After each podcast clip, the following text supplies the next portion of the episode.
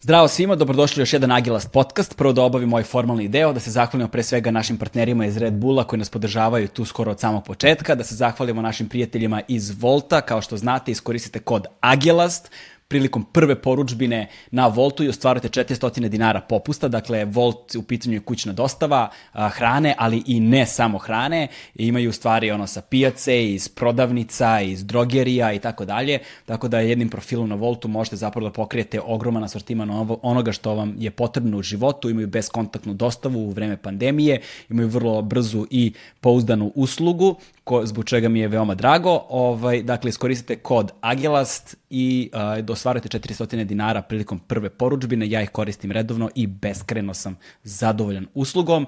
Um, da posjetimo još jednom da naš podcast, ukoliko želite da podržite, to možete da uradite preko Paypala, to jest jednokratne uplate, i možete preko Patreona sa mesečnim donacijama, odnosno mesečnim pretplatama. Uh, I uh, naravno subscribe i like ukoliko vam se dopada sadržaj koji pravimo za vas.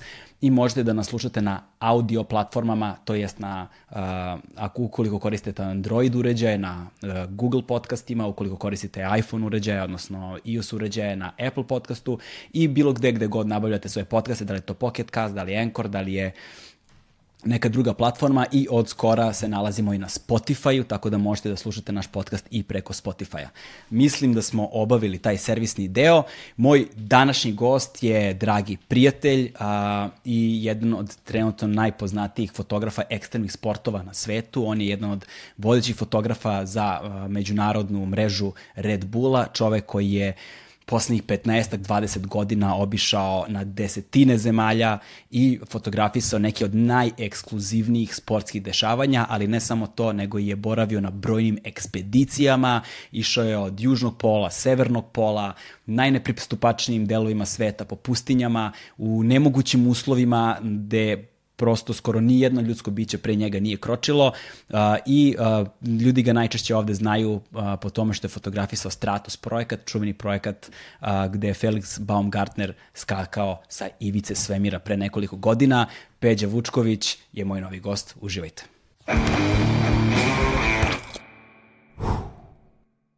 Hmm.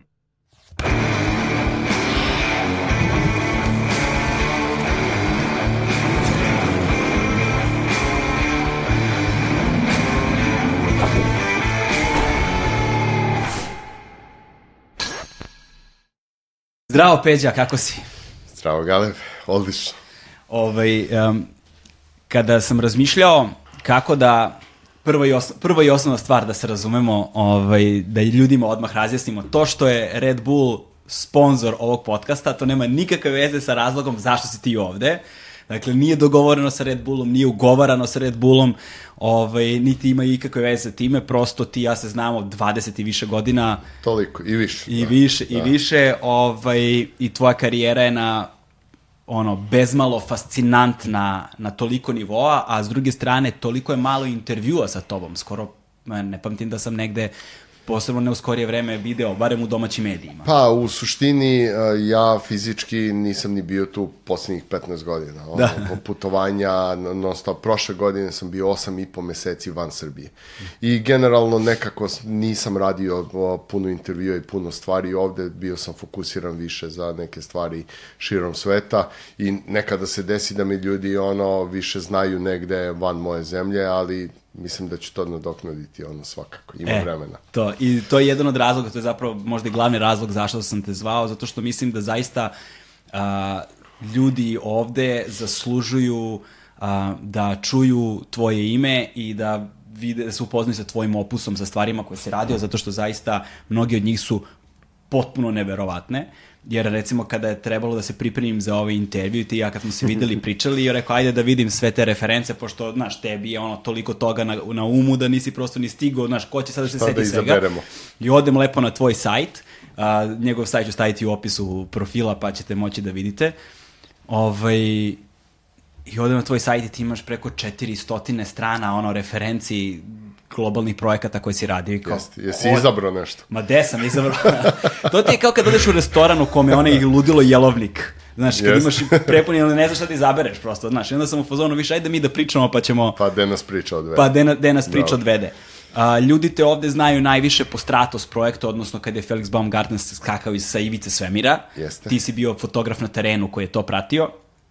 Uh, ono, skakao si u aktivni vulkan u Kamčatki, zatvarao se Manhattan zbog tebe na koliko, 45 minuta, ali tako? Sat vremena. Na sat, sat vremena, celokupno da. i tako dalje, tako priče su zaista neverovatne, ali hajde mi da ih počnemo nekako ono, iz početka.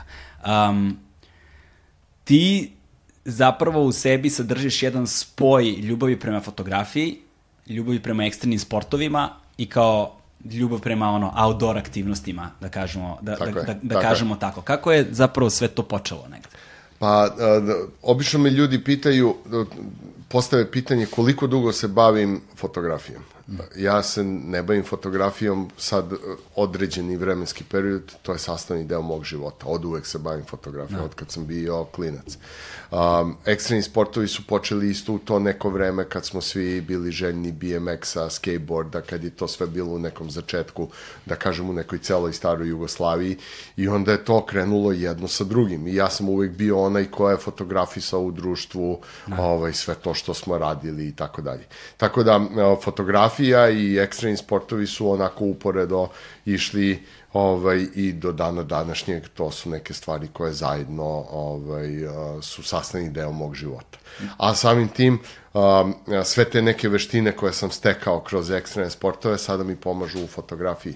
Znači dođem na neka mesta gde ostali fotografi kolege ne mogu da dođu, dođem na, u neke situacije koje ja mogu da kontrolišem, ovaj, dok drugi ne mogu. I tako, ne, imam neke, da kažem, prednosti kroz sve to što sam ovaj, da kažem, godinama radio. Hoće da kaže da postoji određeni aspekt fizičkih veština i sposobnosti koje moraš da poseduješ da bi se u nekakvim situacijama snašao? U suštini da, a, pogotovo a, oblik fotografije koje ja radim, gde je action fotografija, gde su ekstremni sportovi, neuobičajene situacije, a, van studija, van nameštenih stvari i tako dalje. Tako da a, svaka lokacija je u stvari moj studio i treba da se prilagodim tome. Da, e sad, kada govorimo o tvojoj ljubavi prema ekstremnim sportovima, uh, to je sad jedan vrlo specifičan period u, pro, na prostoru bivše Jugoslavije koji je u to vreme bio suvi underground. Znaš, mi kada danas kažemo ekstremni sportovi, kada kažemo skate ili možda BMX, to je sad nešto što je naširoko poznato, prihvaćeno yes. mainstream, skate ulazi na olimpijske igre, ono, znaš, tako da ovo je jedno sasvim drugačije vreme, mora, tako da bismo ljubav prema tome i upoznavanje sa tim sportom morali da stavimo u kontekst vremena kada se to dešavalo. Pa to su, da kažem, kraj 80-ih, početak 90-ih i taj period. Mislim, tad je apsolutno sve bilo drugačije. I neuporedivo sa današnjim vremenom i današnjim situacijama kad pričamo o ekstremnim sportovima. Drugo, internet je promenio sve. Mi tada nismo imali te informacije, nismo imali te video zapise, fotografije, sve. Sve je bilo mnogo sporije, mnogo sporije putovalo, tako da sve bilo drugačije i neuporedivo sa današnjim vremenom. Tako da... Kako si se upoznao? Ti si vozio BMX u stvari. Jeste, to, to mi je bila ono kao pa prva stvar sa kojom sam počeo i bio sam onako vrlo, vrlo fokusiran na to. A, čak sam vežbao a, po 16 sati dnevno 365 dana u godini. Stvarno, znači ti da, si ta vrsta znači, obsesivca. da, da, ono, da, bio sam totalno ono, zaluđen za te stvari i onda su krenula i državna prvenstva, svetska, evropska, sve, jednostavno no, živeo sam za to. I ono što volim da kažem, a, za sve to vreme me je pratila i fotografija i da. sve to sam fotografisao i kada sam došao do nekog vrhunca da jednostavno nisam više to radio sa tom strašću i sa tom motivacijom, ovako sam povukao liniju i nikad više nisam seo na bicikl. Potpuno neverovatno. Ali, uh, recimo, sad, ekipa iz, iz sve teksenih sportova znaju o kome govorimo, ali šira publika ne zna. Toma Bajker, jel te, Toma BMX uh -huh. čuveni, ovaj, on, vas dvojica ste zapravo među ono prvim vozačima. Pa ja sam bio mnogo pre tome. Mnogo. On je jedan novi klinac koji je došao iza mene i koji je nastavio tu tradiciju. Tako da, da. da ovaj, bilo je super da smo se tu, da kažem, imali smo smenu generacija i Toma je došao dosta, dosta posle mene, da. ali on to nastavio na pravi način i bilo je ono sjajno. E, ali... Ja mislim i do dana današnjeg da on tu ovaj, to, tu scenu Pa da, Toma i dalje, Toma, Toma i dalje je Toma. Toma je Toma, da. dakle, Toma i dalje vozi. Toma je mene upoznao sa BMX-om pre pa da. XY, sa XY godina. Ali šta je bila zapravo ulazna tačka? Gde si ti prvi put video BMX? To bili BMX banditi? Šta je bilo? Pa, naravno, BMX banditi, tako je sve to počelo. Mislim, da. ono, ni, nisi imao gde drugde da vidiš. Da. I onda je ono, Ljubljana, Rog, napravili su BMX, to je krenulo i korak po korak i tako dalje. Mislim, tako je to sve počelo. Koji ti je bio prvi stil? Šta si vozio ti? Pa ja sam ono freestyle, flatland, ovaj, trikovi na zemlji i da. tako dalje, kasnije street, rampa i sve to kako je išlo ono po redu, ali uglavnom freestyle na, na zemlji to mi je A pričali su mi ljudi da si imao ozbiljan bunny hop. Pa imao sam, da. Da, recimo mogu si na ovaj da. 100. Pa komotno. Mislim da i danas dosta stvari mogu, to se ne zaboravlja. Da, da. kad sam rekao nisam nikad više seo na bicikl, mislio sam na BMX da, da. i na tu disciplinu. Inače, svakodnevno vozim mountain bike i to, i te veštine su prisutne tu. Mislim, da, ono, da, da. odem da se izvozam za sebe, da skačem, da to sve. To se ne zaboravlja. A ovaj, a, kako, si, kako ste se snalazili tipa za opremu, za rezervne delove? Šta si radio oko ti pukne sajla, pukne lanac? Nikako. Znači, sediš i plačeš dok ne smisliš nešto. Mislim, sve bilo jako komplikovano. Ono, da, da dobiješ par guma, bila je ono procedura da ti neko donese, da to nešto nekako... Mislim, zaista je bilo a, surovo jedno vreme što se tiče svega toga. I ono, pukne sajla, pukne guma, ako nemaš rešenje, nemaš rezervnu, čekaš da ti neko donese ono od preko i to je to. A onda kad su bile sankcije? Sankcije, ništa, voziš bez sajle. to je to. da, tako, tako da ovaj, za sve klince koji danas voze brakeless, ako misle da je to nova fora... Ne, ne, to je stara fora, ali bila je usiljena u to vreme. Ove, ali se sad ponovo voze široki volani, to sam, mislim da sad ponovo nego poslednjih ne znam koliko godina. Iskreno ne pratim toliko tu da, da. scenu, a, više sam fokur, fokusiran na neku drugu vrstu ekstremnih sportova i aktivnosti mm. i tako dalje. A, pogledam s vremena na vreme, ali se ne bavim više tim, ne gledam više to, znam dosta novih vozača i novih stvari, ali uh, nisam više ono, da. u tome da pratim trendove i tako te stvari. E sada, ono zbog čega je važno da pomenemo ovu priču o ekstremnom sportu jeste uh, zato što kada je fotografija ekstremnih sportova u pitanju, uh, o, veoma je važno bilo da si da si u svetu ekstremnog sporta, da razumeš ekstremne sportove, da bi mogao da fotografišeš ekstremne, ekstremne sportove. Sada ja ne bih objašnjavao, bolje ti objasni da, čemu se da, radi. Pa no, ovako, uopšte boravak sa ljudima koji se bave ekstremnim sportovima moramo međusobno da se razumemo. Nije to sada došao neko i slika nešto, nego moraš da imaš dobru komunikaciju sa tim sportistom, vozačem ili šta god da upražnjava. Morate da se razumete, da pričate istim jezikom, da fotograf razume šta će on da napravi u kom momentu, a, na kom mestu i tako dalje. Tako da sve su to neke stvari koje da, da kažem, su mene odvele u, u, u da kažem, neki uh, drugačiji pravac ekstremne fotografije i to je ono, one prednosti o kojima smo na početku razgovora pričali, to je u stvari to. Tako da, svaki neki trik u vazduhu ima svoj vrhunac, položaj tela i tako dalje. Tako da, ako to ne prepoznaješ, jednostavno ne možeš to da fotografiš. Nije poenta uhvatiti nekoga u vazduhu i napraviti klik. Da. Poenta je sačekati pravi moment. I sve u ekstremnoj fotografiji se zasniva samo na pravom momentu. I ništa drugo. Ako nije pravi moment, sve pada u vodu. To je otprilike kao gimnastika, ono, tačno se zna u kojoj pozi telo mora da bude, ruke, noge, tako je, ka kako tako trik je. izgleda. Tako je, i onda to fotograf treba da zabeleži na, na u, u tom momentu kad je, da kažem, na, ta ekstenzija tela i svega toga u najboljem položaju. Ovaj, I kroz tu, kroz tu, kako je izgledalo zapravo sad, ukoliko je važno da uhvatiš taj pravi trenutak.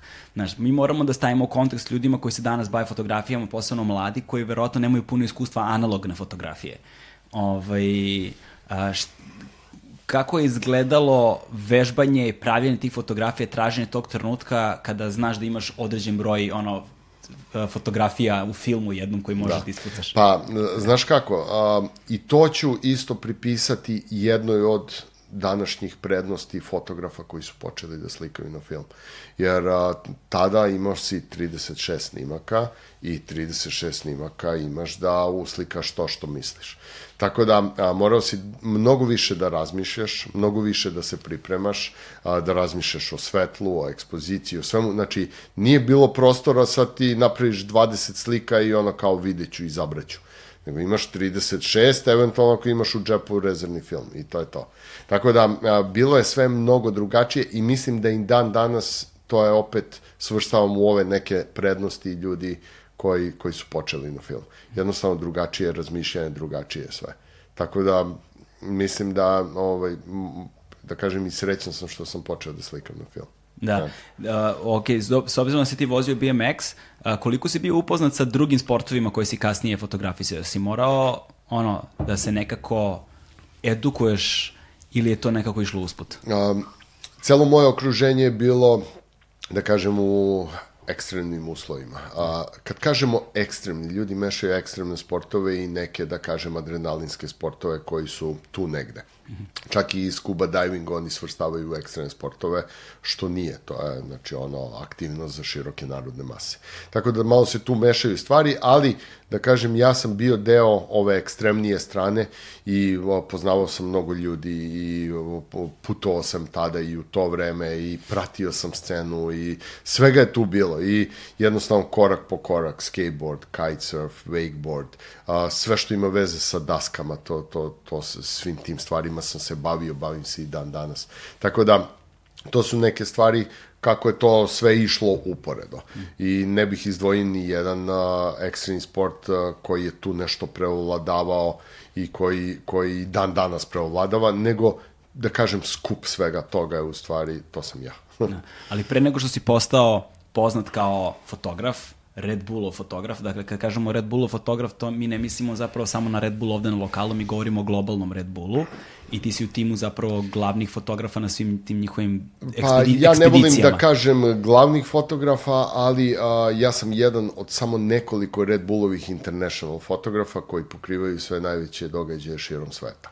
Kad kažem sve, znači mislim na većinu. I kada je nešto ekstremno važno u smislu komunikacija, outcome od fotografija, agencije i sve ostalo, onda je uvek to neko od od tih nekoliko ljudi koji su, da kažem, već 10-15 godina u svemu tome. Tako da, privilegija je biti, biti deo svega toga toliko godina. Ali ovaj, pre nego što sad uđemo u taj svet o kojem ćemo opsežno govoriti, samo, samo još nekoliko stvari. A, a, tvoja ljubav prema ne samo ekstremnim sportcem, nego prema sportu uopšte, ovaj, tvoj, stil, tvoj životni stil te je vukao a, i na druge strane, tako da pre nego što si ti zapravo bio fotograf za Red Bull, ti si ovde, barem u Beogradu, bio poznat kao čovjek koji je držao najpoznatiju teretanu u gradu svoje vremeno. Pa jeste i danas je najpoznatiji. Da, Extreme Gym zapravo, jest, tako, jest, jest. Extreme Gym. Ovaj, I pored toga si se bavio izdavaštvom, ti si imao i časopise koje si objavljivao. Jeste, a, ovaj, a, i to je sve išlo nekako uporedo s ovim, ali uvek je tu bila vezana fotografija. Pa da, znači, mislim, reci više o tim časopisima. I, i to. teretana i, i sve to što, što, što sam Još. radio, Ovaj, možeš. Da, zaboravio sam te Red Bull. Hvala. Ovaj... Čete vi? Može. Hoće.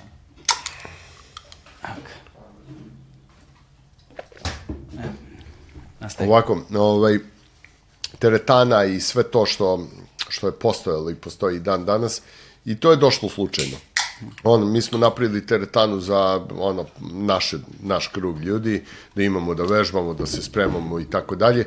I onda odjednom prvi mesec od kad smo otvorili teretanu došlo je 110 ljudi. Mi smo ono kao, uh, šta ćemo da radimo? I onda je to krenulo potpuno neočekivano, napravili smo ono biznis a, bez ikakvog plana i onda korak po korak i onda sam ja bio stvarno fokusiran na to dugo godina u smislu donošenja novih stvari, pa počeo sam magazin koji je pratio to koji se zvao X Fitness. A, krenulo je sve nekako bez, bez nekog plana. I a, opet sve to je pratila fotografija, išao sam na najveća bodybuilding takmičenja, to sam fotografisao, donosio reportaže, prodavao fotografije bodybuilding magazinima širom sveta, a, kreirao od početka do kraja fotografiju u mom magazinu i tako dalje.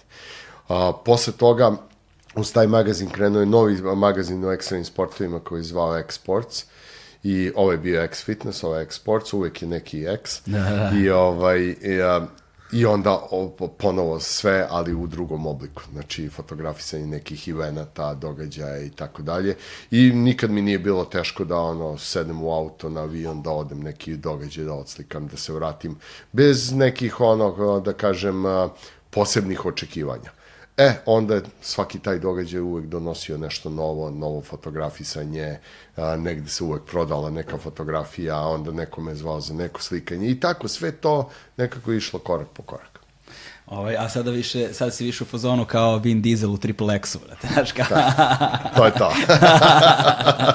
ovaj, e, a, fotografisanje ekstremnih sportova prvenstveno, ovaj, zahteva specifičnu vrstu opreme u kontekstu fot, same fotografije, tipa objektivi, recimo 90. godina u Srbiji nije mogo baš tako da se nađe lako fisheye objektiv ovaj, da bi se fotografisali trikovi, znaš.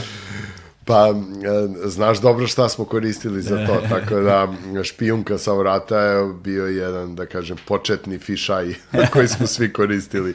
Ovaj, Pa ne, sve je bilo nekako teško. Ja ne volim da kukam, da. ali da se razumemo, mi u Srbiji nismo imali sad tu ono na izvolte sve odeš i kupiš.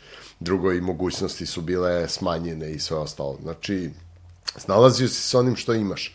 I tako je bilo u svemu. Da. I u fotografiji, i u sportu, i u svemu. I to je ono, ali da kažem, to nas je nekako iščeličilo do, do dana današnje. Kada si išao da fotografišeš bodybuildere ovaj, i bodybuilderke uh, na svetskim, na međunarodnim takmičenjima, ko su najveće face koje si upoznao? O, sve najveće face. Si upoznao Ronija Kolemana? Da, da, lično sam se upoznao s njim, fotografisao ga, sve najveće face u tom sportu sam upoznao jer opet se vraćam ono, kad nešto radim, radim to do kraja i ja sam ono, bukvalno korak po korak sam sa nekim išao na svaka takmičenje, kontakti, magazini, fotografisanja, tako da došao sam do svih vodićih ljudi u tom svetu. Dakle, Čak i čuveni Joe Vader, ovaj, ono, upoznao sam s njim dok nije preminuo, potpisao mi knjigu, potpisao mi moju internacionalnu sudijsku kartu za bodybuilding, pres karticu All Access za sva takmičenja i tako dalje. To je, e, znači upoznao si Ronja Kolemana i ekipu kad su bili u vrhuncu, ono, kad su bili da, u Mr. Da, Olimpija fazi. Da, da, da, da, da, to je bilo to vreme, ono, da kažem, kad je Ronnie Coleman uzimao petu, šestu, sedmu, osmu titulu Mr. Olimpije, to je, to je taj period. I obavezno mi je bilo svake godine Las Vegas, Mr. Olimpija, takmičenje i tako kako, izgle, kako izgledaju sad, kako dočarati uh, takve, bo, ono, fizionomije ljudske, te bodybuildere, kako oni izgledaju uživo kada ih vidiš u odnosu na fotografiju? Da? Pa izgledaju straubalno. Mislim, to nisu ljudi, to nije realno. I da, da se razumemo, nikad nisam bio ljubitelj toga, ali jednostavno teretana, magazin, sve, zahtevi ljudi jednostavno su pratili to. A, u suštini a, više sam bio za neku ono blažu varijantu i svega toga, sporta i tako dalje. Ovo je bilo preekstremno i još uvek je. Da. Tako da ovaj, teško to može i da se razume do neke ovaj, granice. Da, meni je samo fascinantno zato što ja, ni, od uvek sam želeo a, prateći, znaš, te bodybuilding magazine i to kad smo bili klinci, svi smo bili fascinirani ono, naravno, od, od Schwarzeneggera pa nadalje, znaš ovaj, kako se zvao i ovaj naši, naš, naš bodybuilder koji je preminuo... Uh, Nasser. Nasser, Nasser. Nasser, Nasser. El Sombati. Nasser El da, da. tako je, da, on je bio jugoslovenski veliki ono svoje vremeno. Pa naš najveći bodybuilder je Miloš Šarčer, Šarčer svih da. vremena i on je još uvek u tom svetu i živi za to čovjek. Tako je, tako je. E, i, ovaj, I kada smo njih sve posmatrali, od uvek sam, od uvek sam razmišljao kako li izgledaju ovi ljudi uživo. Znaš, kad sretneš takvog jednog čoveka, da se rukuješ sa njime, da porazgovaraš, znaš. Pa ne, izgleda kao da, da je neko neku glavu stavio na neko telo koje tu ne pripada. Jednostavno, to, to, sve su to ono predimenzionirane stvari. Da, da, da. Znaš, i onda, teško je to razumeti i ono očima shvatiti. I uh, kada si počeo da zarađuješ prvi novac od fotografije? Pa, prvi novac je krenuo sa tim, da kažem, bodybuilding takmičenjima i bodybuilding mm. i fitness magazinama. To, to su bile, ovaj, da kažem, neka 2000-ta godina. Aha. A, od toga je krenulo, da kažem, da se nešto vraća, da, da se prvi novac zarađuje i mogu ti reći da a, i to je bilo potpuno neočekivano. Ja sam, ovaj, zahvaljujući tom All Access pasu za sva takmičenja, ovaj, a, imao pristup nekim stvarima gde drugi fotografi nisu mogli da dođu. Kao na primjer? A, kao backstage Mr. Olimpije. Mm. Znaš, o, odeš iza gde su svi oni i radiš šta god hoćeš. Tako da je bila to ogromna prednost i to mi je onda omogućilo da magazini budu zainteresovani za stvari koje drugi ovaj, nisu mogli da im ponude. Tako da je, to je krenulo ono korak po korak, pa sam onda a, namenski fotografisao za magazine ili namenski fotografisao fitness modele, devojke i tako dalje i onda sam te ovaj, setove fotografija nudio magazinima širom sveta. I onda to, to se proširilo. U nekom momentu sam radio sa preko 80 magazina iz tog sveta. Ne. I onda kad uradim neko slikanje, samo pošaljem na 80 adresa ovaj, ponudu i onda to išlo je, mislim, potpuno ono neverovatno. O, jesu li ti kontakti koje si imao po tim časopisima posle kas, kasnije pomogli u ovim ekspedicijama, ekstremnim sportovima, kontaktu sa Red Bullom i tako dalje? Konkretno to vezano za fitness, to je potpuno drugi svet. Mm -hmm. To nema veze jedno sa drugim. I to je, da kažem, jedan period dok, dok, kako sam se bavio sa tim. Posle toga je krenulo sve u drugom pravcu i onda su moji kontakti se u stvari pretočili u outdoor i a, a, sportske magazine i tako dalje. Tako da to je bio neki prelaz kako sam ja uopšte prešao ovaj, da, da ono, komuniciram sa drugom da kažem, drugim svetom, drugim sportovima. Kako se desio zapravo taj prelaz? Kako si, u, ka, u kom trenutku ti postaješ zvanično outdoor, ono, fotograf koji živi od toga? A, ja ceo život, uh, u stvari, to forsiram. Da. I to, to mi je bilo opredeljenje ovo je sad došlo nijotkuda, nisam uopšte to planirao, znači, da, da. došla i teretana nijotkuda, mi smo to napravili za nas da vežbamo, ono, odjedno su došli tu neki ljudi, ono, stvorila se gužva i sve to nekako neplanski, ali a, uporedo sa svim tim stvarima ja sam uvek bio aktivan na ovoj drugoj strani. Po celu zimu sam provodio na Koponiku, snowboard, mm. leto tamo, leto vamo. Znači uvek je to bilo, da kažem, nešto što, što me interesovalo. I korak po korak, ovaj, do 2005. godine, od kad sam počeo da radim za Red Bull. I onda je tu, da kažem, prekretnica svega toga, Red Bull mi je postao jedan od, da kažem, glavnih klijenata, ja sam ono, bio potpuno fokusiran na taj svet i onda je sve krenulo u tom smeru. Koje su bile prve fotografije koje si zapravo radio zvanično za Red Bull? Ja se sećam, ja se sećam da smo se ti ja videli To je bilo potpuno sumanuto. Ja ne znam kako su uopšte dobili dozvolu da organizuju to ludilo. Da, to se zvalo Hot Run. Uh, u Sarajevu je bilo um, na bivšoj bob stazi zimskih olimpijskih igara. Jeste, tamo smo se videli. Da, tamo smo, to je neka 2006. Šesta ili sedma. Mislim, ne znam, to je nešto dve godine se dešavao taj hot run, ili tako nešto. Da, 2006. ili 2007. To je sigurno. Da, da, da, da, to.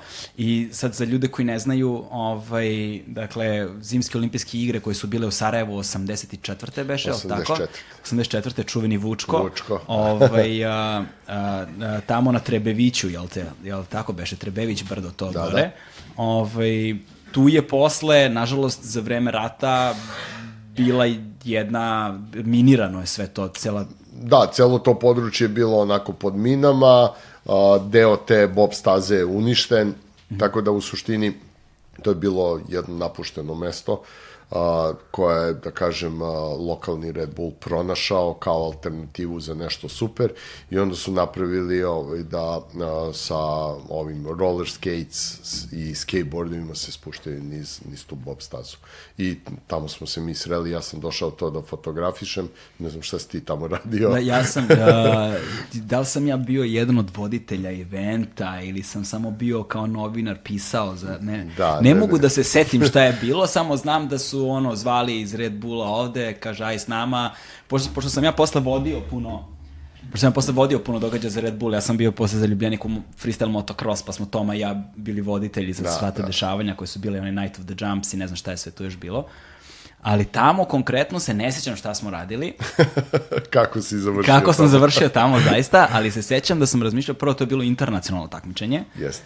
Došlo je i dolazi, dolazio onaj neki lik, sećam se, koji je bio i kao svetski poznat, koji je celo telo pretvorio kao Jeste, ne mogu se setim kako se zove, neki Francuz, Yves nešto. nešto, nešto, da, ima ono točkiće na glavi, na laktovima, na kolenima i on se zapravo ležeći spuštao i postizao neke neviđene brzine. Jeste. I znam da su likovi na rolerima postizali takve brzine da su izletali sa bob staze. I Pa pada- bilo je svega, da. Da, i padali u šumu koja je minirana. I kao, bra, ja sve vreme sam u fazonu, Ko će se vratiti kući? ko će se, šta se ovde dešava, jesu ovi ljudi normalni? Ovaj, A i- dobro, nije bilo baš minirano Da, da. tu oko staze, bilo je malo tamo dalje. Da, ali ja to nisam znao, razumeš? A to je druga stvar, Da, da. to je druga stvar. I bio je ovaj Francuz koji... Ti nisi prelazio one linije tamo. Nisam, nisam, nisam prelazio. I bio je ovaj Francuz koji je vozio trial bike, uh, Red Bullov vozač, ja sam zaboravio njegovo ime. On je isto vozio motor na Bob stazi. A, ne mogu da se setim ko je bio. Ja ne mogu setim, setit ću se možda od toga. Nije, nije, nije ni važno, mogu ljudi da pogledaju na netu ako žele. Ovaj, jel ti to tada bilo jedno od prvih fotografisanja za Red Bull? A, nije. Bilo je jedno od prvih, ali da kažem, prvo fotografisanje koje sam imao je ovaj, bila, bilo u Beogradu. A, to, taj event se održavao na Kalemegdanu i on se zvao Vozi bre. I bio je mountain bike event koji se održavao na Kalemegdanskoj tvrđavi. I to je jedan od prvih evenata koji sam slikao. Ali, a, mislim, iste te godine ovaj, a, dogodila se ona a, velika poplava ko, kod nas, a, gde je čitav sajam i donji deo ovaj, ispod Kalemegdana bili poplavljeni. I onda smo mi ovaj, tu se skupili, da kažem, ekipa naša i ovaj, smislili smo da a, se vučemo automobilom po ulici i da vozimo wakeboard. I uh, naravno Defender koji je vukao ovaj, uh, nas i sve ljude koji su ono surfovali po ulicama je bio Red Bull. I dobili smo taj neki support od Red Bulla. I ja sam napravio te fotografije da ono bukvalno neko vozi wakeboard i pored prolazi autobus pun ljudi sa facama koji gledaju ono šta se dešava. Mislim, ovako, dve stvari koje jedna sa drugom ne idu. Znači, da. wakeboarder i autobus. Znači, potpuno. I za to vreme, mislim da je to bila 2005. ili 2006. godina i za to vreme to nikada, nikada se to nije desilo nigde. Kasnije su neki kopirali te ideje i tako dalje i a, te moje fotografije su završile neočekivano ponovo po celom svetu. Potpuno ono CNN, BBC, svi su ih preuzeli i ono objavljivali svuda ovaj, gde, gde, gde su mogli da ih objave. Sećam se, I- to su vozila ekipa iz Ropa. A, jeste, bio je, bio je ovaj, Vule beš, ali tako, ne? a, Vule i bio je a, Nikola Vučković Tako i a, ta, ta, ta ekipa. Da, da, da, da. I m, mislim, to smo mi napravili za nas. I posle toga su te fotografije završile u Red Bullu. A, naravno, lokalni Red Bull je podelio sa svima i tako dalje. I onda smo tu dobili Picture of the Week, Picture of the Day i sve to tako na, na, na Red Bullovom sajtu. I posle toga, u stvari, kreće moja, moja, da kažem, karijera vezano za Red Bull nakon tih fotografija. Volim i da kažem da mi je poplava pogurala karijeru. tako da, i stvarno je tako i bilo. Jeste, posle su mnogi kopirali to, ne samo na poplavama, nego i, kad je, i, ne, nego i kada su I bili veliki snežni nanosi. Tako je, sneg i sve ostalo, ali do tog momenta a, odgovorno tvrdim da nikada ništa slično se nije desilo, ideja je došla od nas nijotkuda. I, i um, mislim da ništa slično do tada nije to postalo. Posle su bile čuvene fotografije isto uz, iz Njujorka, gde su vozili snowboard i ne, na, za vreme zime i Posle po poplava. toga se to sve raširilo Svuda po maksimalno. svetu se neko zezao kad god je bila neka elementarna Jest, nepogoda. jest. Ovaj, ali ovo je bilo prvi put da zvanično kažemo. Tako je, tako je. Ti i ekipa u Beogradu. Pa jest, Da. da. Ovaj, um, kada govorimo uh,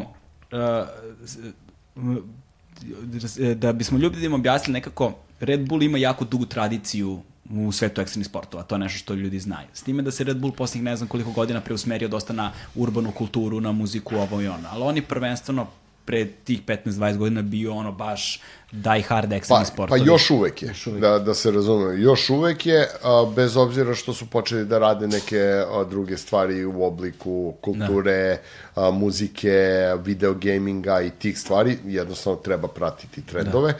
A, nikada nisu bili u borilačkim sportovima mm. i, i taj deo nikada neće ni biti, ali u suštini ovaj, oni su sastavni deo svega. Da. Ali, da kažem, neki core je a, ekstremne aktivnosti, mm. ekstremni sportovi, neuobičajni projekti i tako e, I sad, bez obzira na to što je Red Bull komercijalni brend, ono što moramo da objasnimo ljudima jeste da, a, zahvaljujući Red Bullu, posebno vreme kada društvene mreže nisu bile jake, kada internet nije bio toliko aktivan, znači Red Bull magazin, koji je postojao, Red Bullove fotografije i prisustvo Red Bulla na događajima ekstremnih sportova je donosilo određenu težinu kao ono, znači ako ti je Red Bull sponsor, znači kao da si ono ozbiljna, pa jest, ozbiljna jest. faca bio u to vreme. Ovaj, I dan danas je to, ali samo što, kažem, me, među običnom, ono, među, među svakodnevnom populacijom, ne znam koliko je ta, ta slika i dalje važna. I, ovaj, I svi su želeli, koji su se bavili ili bili zaljubljenici u ono, action sports, jel te, u, kao ekstremne sportove i tako dalje, su želeli zapravo da budu fotografi za Red Bull. To je bilo kao ono, životni Jest, cilj, da fotka, da kao prestiž. National Geographic. Kao ne, to, neš, da, to, na, nacionalna geografija, Red Bull, to su kao ono brendovi za koje želiš da fotografišeš. A, kako a, čovek i sa lokala iz Beograda i Srbije, posebno u tim okolnostima, to je ono tek nakon 2000 godina u toj fazi demokratskih promena, gde dolazimo praktično ni iz čega, uspeva da dođe u ono svetsku elitu fotografije akcijnih sportova. Pa, a, verovatno a, motivacija i želja su me doveli tu gde, gde jesam. Jednostavno, a, znao sam šta želim, znao sam šta hoću, verovao sam u to što radim i korak po korak to se ostvarivalo. Ono što uvek sa ponosom volim da kažem da, da sve što sam uradio, sam uradio zbog mojih fotografija. Znači, moje fotografije su pričale za mene i moje fotografije su kročile taj put ispred mene. Tako da, a, da kažem, a, jedno slikanje je uvek donosilo drugo slikanje, drugo slikanje me odvelo na neko treće mesto i nekako je sve išlo lančano jednostavno to je bio neki uh, put koji možda ne mogu ni da objasnim, ali da kažem na prvom mestu motivacija i verovanje u to što radim i ovaj, ono, gurao sam tim putem. Na, nakon, nakon tog, nakon vožnje Vejka, to je bilo ispred sajma, kako se sećam ta fotografija, jest, tako nešto, da, jest.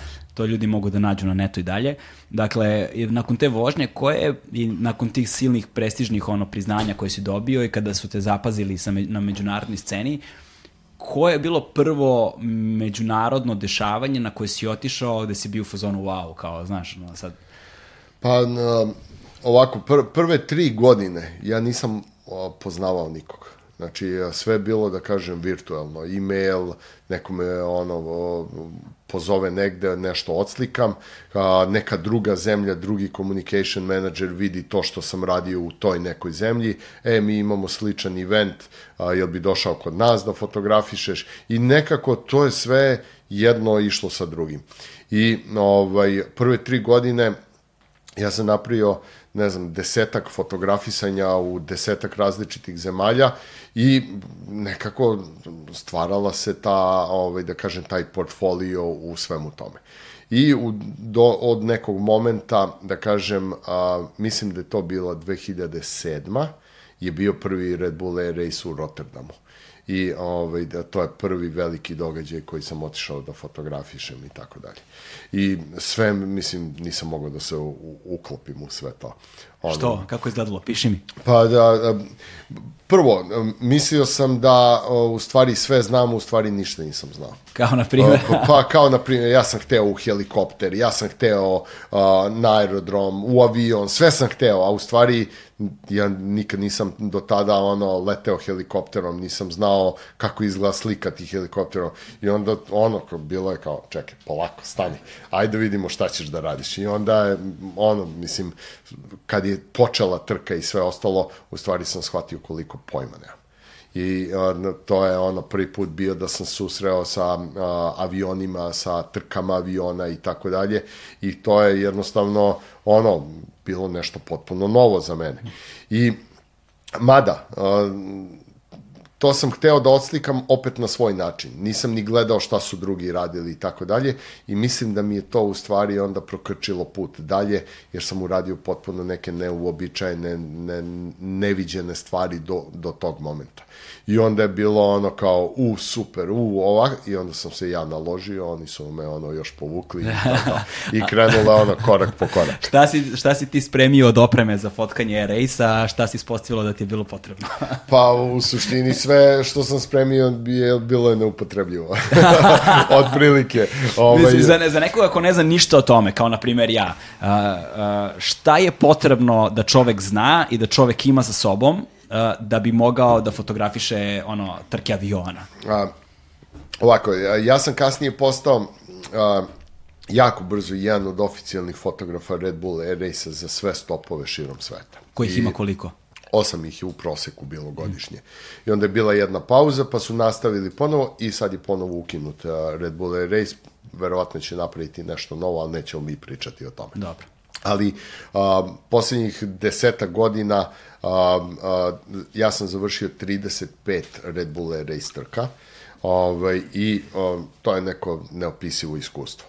Tako da, a, kad sad pomislim kako sam otišao da slikam taj prvi race, mislim, ono, stvarno je presmešno, ono, kao, kao da si, ne znam šta, otišao nešto, ovaj, mislim, bio sam potpuno nespreman. Da, da, opiši, ja. da, da, navedi mi primere. Pa, primer, a, nisam imao ni jedan long lens objektiv. Znači, nisam imao teleobjektiv uopšte. Je, kod mene je sve bilo ono wide, sve sam slikao da, da prikažem a, a, a, a, ovaj background i sve ostalo, a, tu atmosferu, ali a, oni su kilometar dalje od tebe. Ti da. njih nekada i ne vidiš, moraš da imaš neki long lens za, za to. I ovaj, onda sam ja pokušavao da prođem, dođem do nekih a, tačaka gde, gde, gde sam mogao da slikam sa objektivima koje, koje sam imao.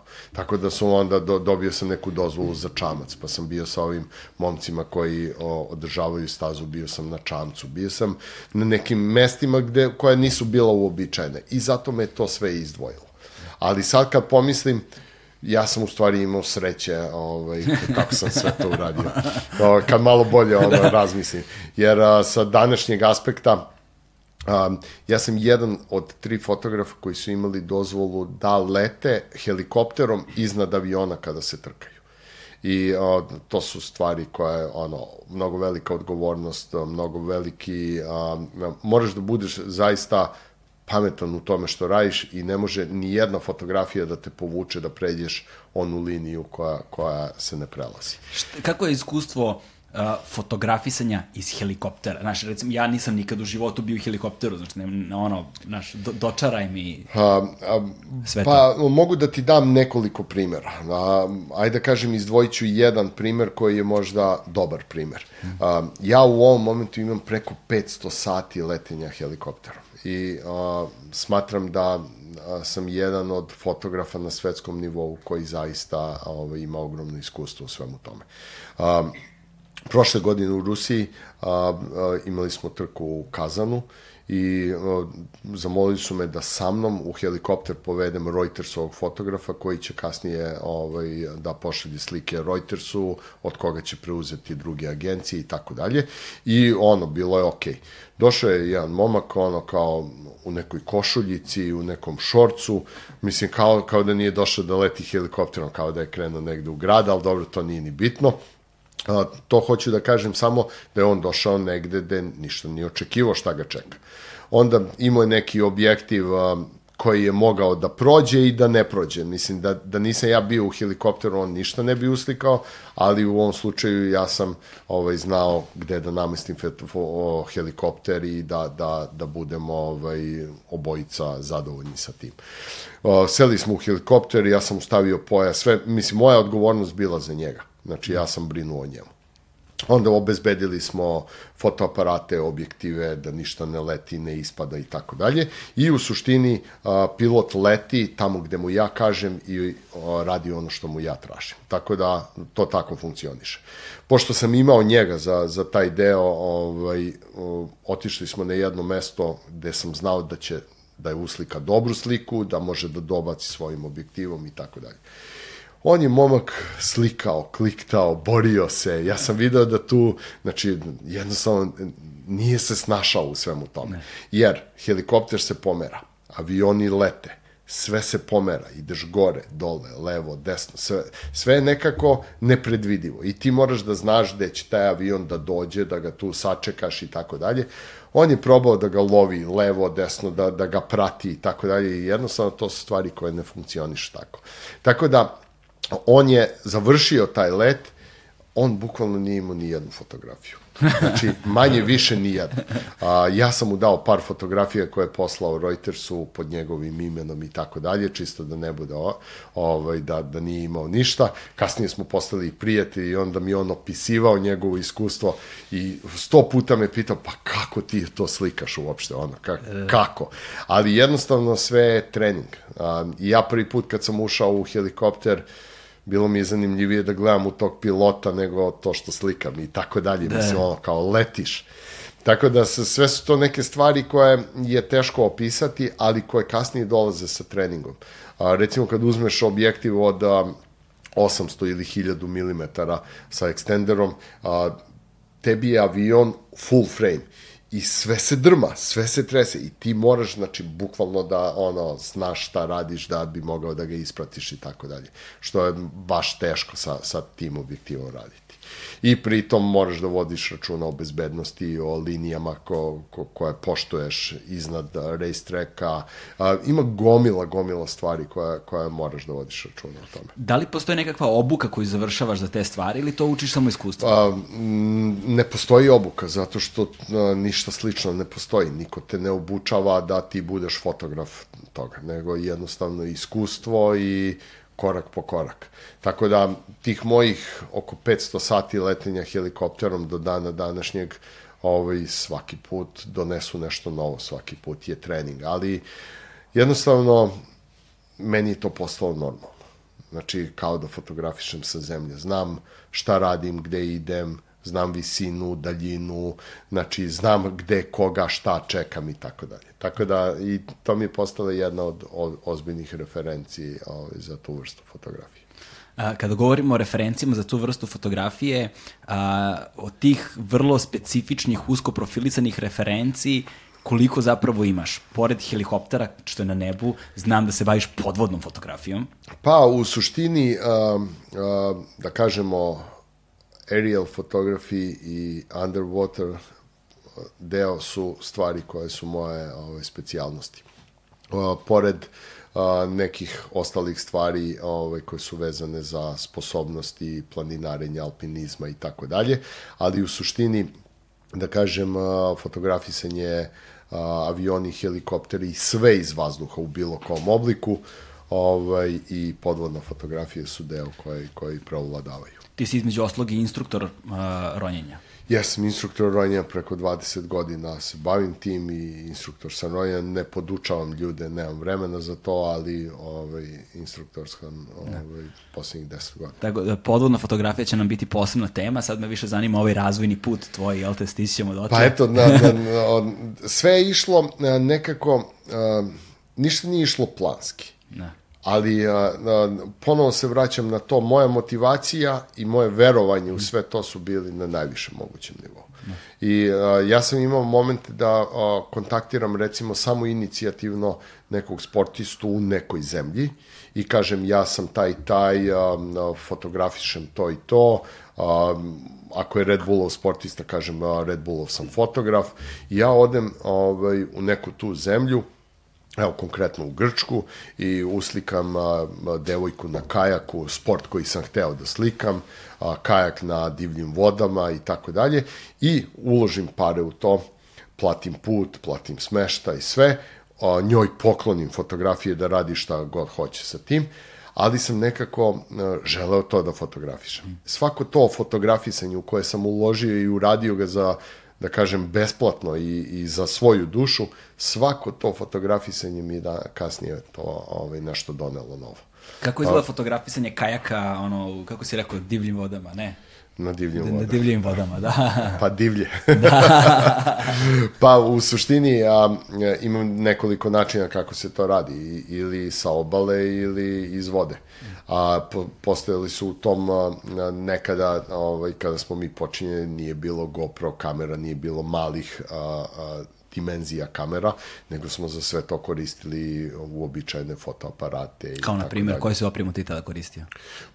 Imao sam kućište za, za moje fotoaparate, podvodno kućište, pa napravimo buđu celu na kajaku, pa to sam okidao sa daljinskim komandama i sve, mislim, bilo je onako potpuno surovo recimo za, za windsurfing sam pravio posebnu konstrukciju kao od ovih mikrofona, ono neke ruke i tako dalje i aparat potpuno bez kućišta, bez ičega na tome da bi dobio neku perspektivu, ugao i tako dalje. Danas je sve to mnogo jednostavnije. Ne, ne, koliko, koliko, kako, čekaj, kako, na osnovu čega na osnovu čega praviš ono konstrukcije za te foto, fotoaparate za početak, ili ti fizički praviš sam ili poručuješ nekome? Um, um, misliš u današnje vreme ili ne današnje, tada? ne tada, tada. Ta, ne, tada sam izmišljao sve što, sve što, što se tada nije to postojalo. Da. Nije postojalo to što sam ja hteo da napravim. To je bilo onako sve neka mašta i znao sam šta želim da postignem. I, na, i recimo, e, na, kako konstruišeš spravu odnosno kućište ili nosač neki za fotoaparat, prvog, od kojih, mat, kako biraš materijale? Kako... A, konkretno nisam ja to konstruisao od početka do kraja, Aha. ali ovaj, recimo neke nosače, da bi negde nešto zakačio, morao sam da napravim. Mm -hmm. kasnije ovaj, nekoliko firmi je počelo da pravi te štipaljke, ruke i tako dalje i onda je bilo to kombinacija tih nekih kupljenih stvari od mojih stvari. Mm -hmm. Tako da, u suštini, to je bilo sve nekako onako prilagođavanje, jer nisu postojale te stvari. Da. I fotografije koje sam ja tad pravio, većina ljudi nije uopšte imala predstavu kako je to napravljeno. Mm A, a šta ti se ta oprema, pored, to, pored toga što je ne od neprocenjive vrednosti, što si sam pravio kao konstrukcije, sami fotoaparati ni dan danas nisu jeftini, ono, skupi su, ono, džavu i pokoštaju, posebno kvalitetniji, a u to vreme ko zna tek. Ovaj, da li si imao nezgode, ne si ono, tipa gubio fotoaparate, lomio opremu, na, ono... Pa, štro... generalno, strašno vodim računa o opremi, ali ne opterećujem se sa tim. Mm -hmm u suštini ako nekad, evo konkretno tu sur, surferku što, koju sam fotografisao, fotoaparat je bio bez ikakvog kućišta, bez ikakve zaštite, da je ona pala u vodu, ja bi izgubio fotoaparat, objektiv i sve. Um, ja sam se u tom momentu oprostio od tog aparata i jednostavno to je bilo ono kao pokušat ću, ako nešto dobijem, dobijem, ako ne, to je to. Čvrsto sam verovao u njene sposobnosti da se to neće desiti, jer to je bila jedna od najboljih windsurferki na svetu. I ovaj, ali da se to desilo, jednostavno bio sam spreman na to.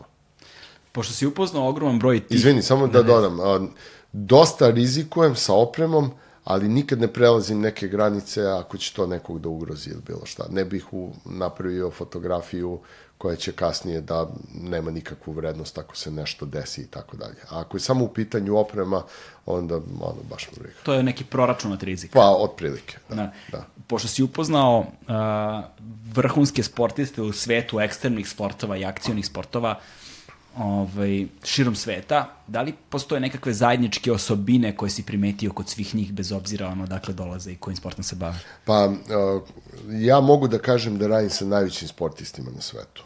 Od uh, uh, Lindsey Vonn, David Coulthard, Sebastian Fetela, do, znači, zaista velika, velika imena.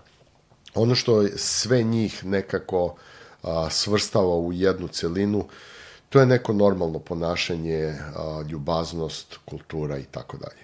Naravno da oni imaju svoje momente kada 50 novinara razjarenih krene ka njima, pa i ti bi odreagovao drugačije. Mislim, ono, imaš nekulturnih ljudi, tako da sve te neke reakcije su u stvari izazvane. Mm. To nisu ti ljudi koji su uobičajeno takvi. Tako da, taj neki, da kažem, personality svih tih ljudi je nešto što im je zajedničko. I svi ljudi sa kojima sam radio, apsolutno nikada nisam imao ni jedan problem u smislu da nešto ne može, da ovako ili onako, nego jednostavno imali smo savršenu komunikaciju. I drugo, moj pristup svemu tome Naravno da neću tebe da uznemiravam ako nešto radiš, pišeš, pričaš sa nekim. Znači mora da postoji neki određeni pristup da tvoja reakcija ne bude ono da iskloni se, nego ono kao nađeš pravi moment. Ali to je sve isto trening, da kažem, u svemu tome. Kako ćeš nekomu da pristupiš, kako ćeš da ga pitaš, um, kako ćeš da se predstaviš, jer od toga zavisi posle tvoja fotografija. Da. Tako Pre... da, to je ono jako važan segment svega toga. Pre nego što se vratimo... Izvini, svi oni koji se laktaju, guraju, bore, uh, iskaču ispred drugih, takvi ne prolaze i ne opstaju. Aha. Na, na visokom nivou. Eto jednog saveta, ukoliko da. želite da se bavite... Pa, da, treba da poštuješ ljude oko sebe, treba da poštuješ ne, nečije vreme, nečije ime, uh, kolegu pored sebe i tako dalje, jer sve ostalo, već sam se uverio mnogo puta, kratkog daha i jednostavno ispadaš iz, iz igre. Dakle, pored samog talenta moraju da postoje i druge stvari. Da. Ovaj, pošto nije Kao posto... i u svemu, da. da. pošto nije postojala obuka nikakva ovaj, za te stvari koje si radio, nego si ih učio ono putem pokušaja i pogrešaka, jel te?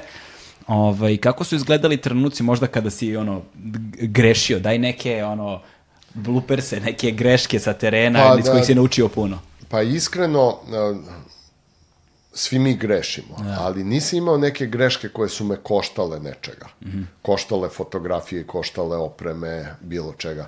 Um, vrlo sam fokusiran na to što radim, vrlo sam skoncentrisan na to što radim, vrlo sam proračunat, uh, svako moje fotografisanje je isplanirano. Znači, ja kad dođem na neku lokaciju, ja se bavim uh, planiranjem jako dugo gde ću da budem, šta ću da radim, na koji način, sa kojom opremom, gde ću da postavim aparat, onda komunikacije sa tim sportistima, gde će oni da budu, šta će da rade.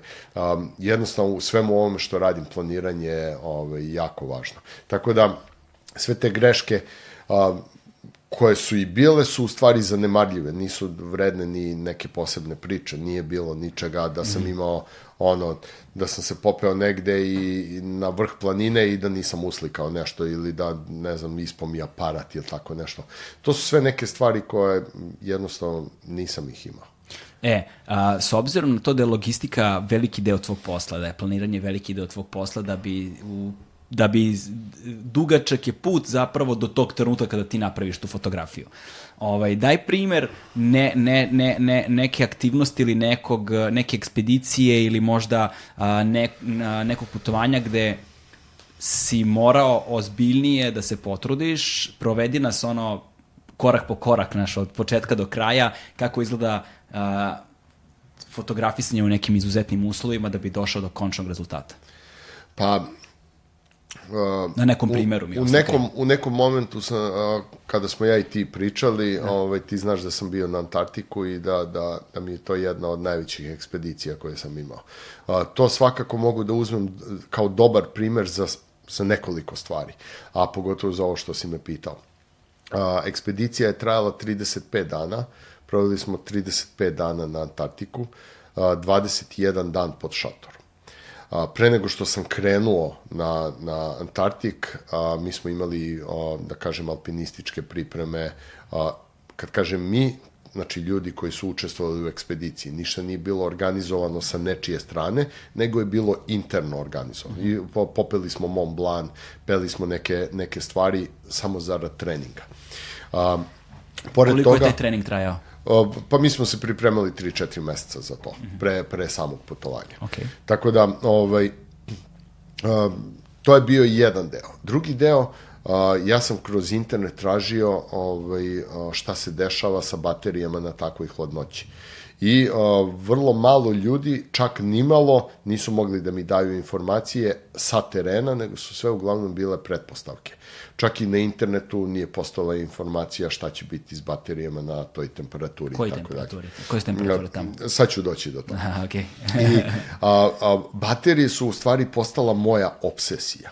I, i, znači, ja sam, sa, pre nego što sam otputao, ja sam zamišljao, mi ćemo da se popnemo gore, ja ću da uzmem aparat i neće biti baterije. I, znači, apsolutna obsesija. I onda, a, pošto nisam mogao da nađem nikakvu informaciju na tu temu, ja sam ovaj, kupio osam baterija za, za moj fotoaparat i poneo sam osam baterija ovaj, na Antarktik. Prvu noć a, mi smo išli preko Cape Towna, sleteli smo na potpuni led na rusku antarktičku stanicu i ok, u ruskoj antarktičkoj stanici smo imali normalne uslove, grejanje, kontejner neki, krevet, sve ok.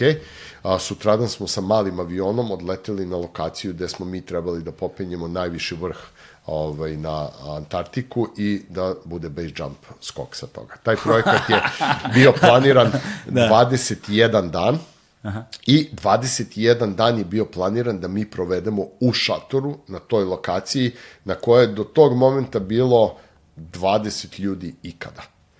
I ovaj, kad smo sleteli tu, i dalje sam ja imao u glavi baterije, baterije, baterije, znači, ali ozbiljna obsesija.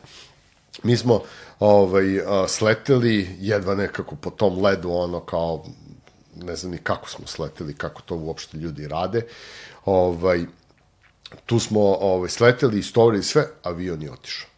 I znaš, onako, pogledom otpratiš avion da. i tu se, ono, tu počinje u stvari priča, a s druge strane se završava. Da. I ovaj, od, od pešačili smo neki kilometar i po ispod te stene koje zove Ulvetana ili Vuči zub. I ovaj, tu smo napravili base camp, sve, jednostavno sve bilo nerealno, znači nisi uopšte, ja mislim da u tom momentu ja nisam uopšte shvatio gde sam došao. I a, u tom momentu je bilo nekih minus 20, 2, 3 stepena temperatura, hladno, mislim, nenormalno hladno. Sve ti je, došao si iz Beograda, znaš, da. Ovaj, i ovaj, mi smo podigli kamp, lego sam da spavam, ono, preumoran od putovanja svega, ja sam one baterije uzeo i stavio ih u vreću za spavanje. Da, da, da, da se ne istroše, da, da nešto im ne bude i tako dalje. Negde, ono, posle dva, tri sata, ono, o, prevrtanje u toj vreći, sve te steže, sve ti je a, prekomplikovano. Znači, jednostavno neki osjećaj da, na koji do tog momenta nisi navikao. I pritom ekstremno hladno. Drugo, ja sam stavio bateriju u vreću za spavanje, ne može da se zagreš, kao da sam kocke leda ubacio unutra. Da. Jednostavno, ono, nije bilo moguće da se zagreš. U, ne znam, posle par sati a, tog drhtanja, znači, ja sam rekao, ej, baš mi briga i za baterije, i za opremu, i za sve ono, hoću da spavam. I ja sam izbacio sve baterije, ono, iz vreće, ne razmišljajući šta će biti ujutru. Ovaj, odspavao nešto ono kao pas na ono 2-3 sata, da, da, da. Ovaj, pošto 24 sata i dan, znači nema noći. O, ti si lego dan, usto dan i sad Ali nastavljaš... Ali isti dan, ne, ništa se ne menja. Isti dan, ne, ne znam, mi smo spavali Nema par sumraka sati. i to, ništa. Pa, o, sunce ovako dođe do horizonta i krene gore. znači, o, ka, kao neka šala. Od da, da, da. I nema, nema, mislim, bude mali sumrak, ali posle sumraka odma izađe sunce. Da, da, da. Tako da, ja sam ujutru ustao, prvo ono, iz vreće, treso sam se od hladnoće, sve mi je bilo neshvatljivo hladno. Prvo što sam uradio, čak nisam ni jaknu obuku, da vidim šta je s baterijama. I ništa, shvatim ja da su baterije ok, da on ništa se ne prazni i tako dalje.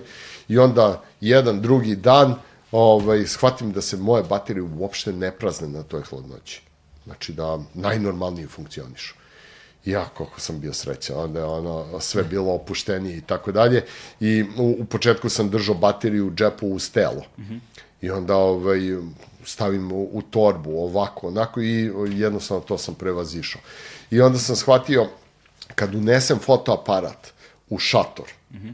sve se zamrzne, u, u razlika u temperaturi bi, bude između 5 i 7 stepeni. Znači ne bude to neka toplota, nego samo zbog tih par stepeni, ono što, što ona vlaga se uhvati, tebi zamrzne i aparat i objektiv i sve. I onda, a, posle toga nekih 17 dana, nisam unosio opremu u šator nego ostavim torbu ispred šatora, vežem karabinerom za cepin da mi neki vetar nešto ne odnese i znači 17 dana je moja oprema bila na toj hladnoći, znači na polju konstantno ovaj, za sve to vreme. Sad, ovde, sad tu imam uh, pregršt pitanja. Prvo, ovaj, vuči zub na kojem jeziku? A, na engleskom. A ne, aha, a, kao... A, ne, a Ulvetana je jedno ime, aha. a Wolf Tooth je... A Wolf Tooth, da, okay, okay. je, je drugo ime. Ulvet, postoje dve planine koje, koje su, da kažem, um, potpuno neverovatne. Jedna zove Ulvetana, jedna je Holtana. Mm -hmm. I naš cilj je bio to Ulvetana i um, mi smo sedam dana uh, pripremali a, pripremali da se popnemo na to, znači razvlačili smo užad i onda taj dan razvučemo i onda se vratimo u base camp. Pa onda od sledećeg dana nastavimo od tog mesta, postavljamo užad mm -hmm. i onda se opet vratimo. Mi smo razvukli kilometar i 200 ovaj, užadi do, do mesta odakle on trebao da skoči. Koliko ste bi opreme nosili zapravo sa sobom? platili smo 7.500 dolara overweight za, za našu opremu. znači, da, to, to, je, to je ono bilo što sam zapamtio, onda ti zamisli koliko smo ovaj, a, ček, a, ovaj, kojim toga. avionskim prevoznikom ste išli od, uh, od Cape Towna do te ruske stanice? Da li misliš da postoji avionski prevoznik? Ne znam, ne znam, pitam te.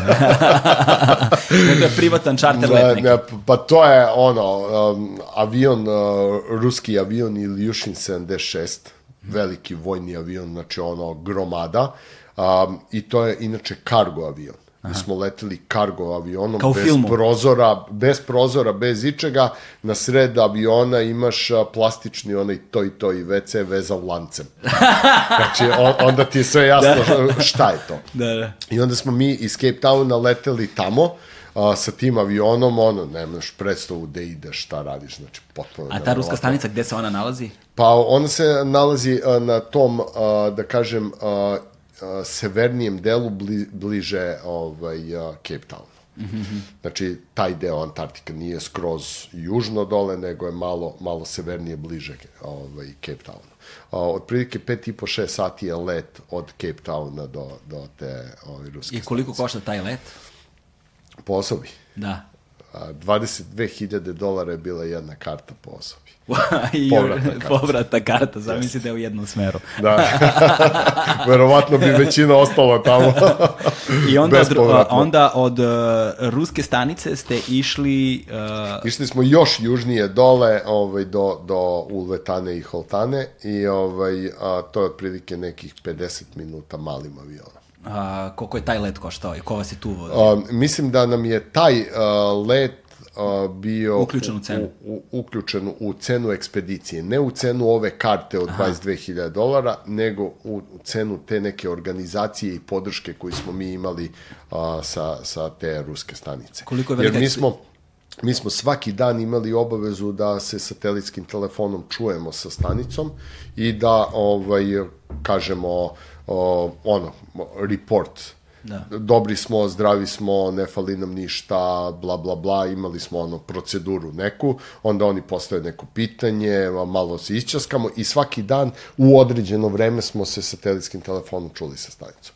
Mi smo za sedam dana popeli taj vrh, I ostalo nam je onda još 14 dana, nismo znali šta da radimo, jer tek za 14 dana nam dolazi avion a morali smo da ostavimo prostor što se speš tako. 14 dana bleje. da, a ne možeš da blejiš, da. zato što moraš da budeš fizički aktivan da bi se zagrejao. Da, ne da. možeš da ležiš i blejiš, znači da. nemaš ono kao TV, opuštencija, da. toplo i to, nego da bi ti bilo toplo moraš fizički ono bilo šta da radiš. Da. I onda smo mi odlučili da popnemo i ovaj, Holtanu, i base jump skok sa nje i još jednu ovaj, planinu, tako da tri vrha smo popeli potpuno neplanirano.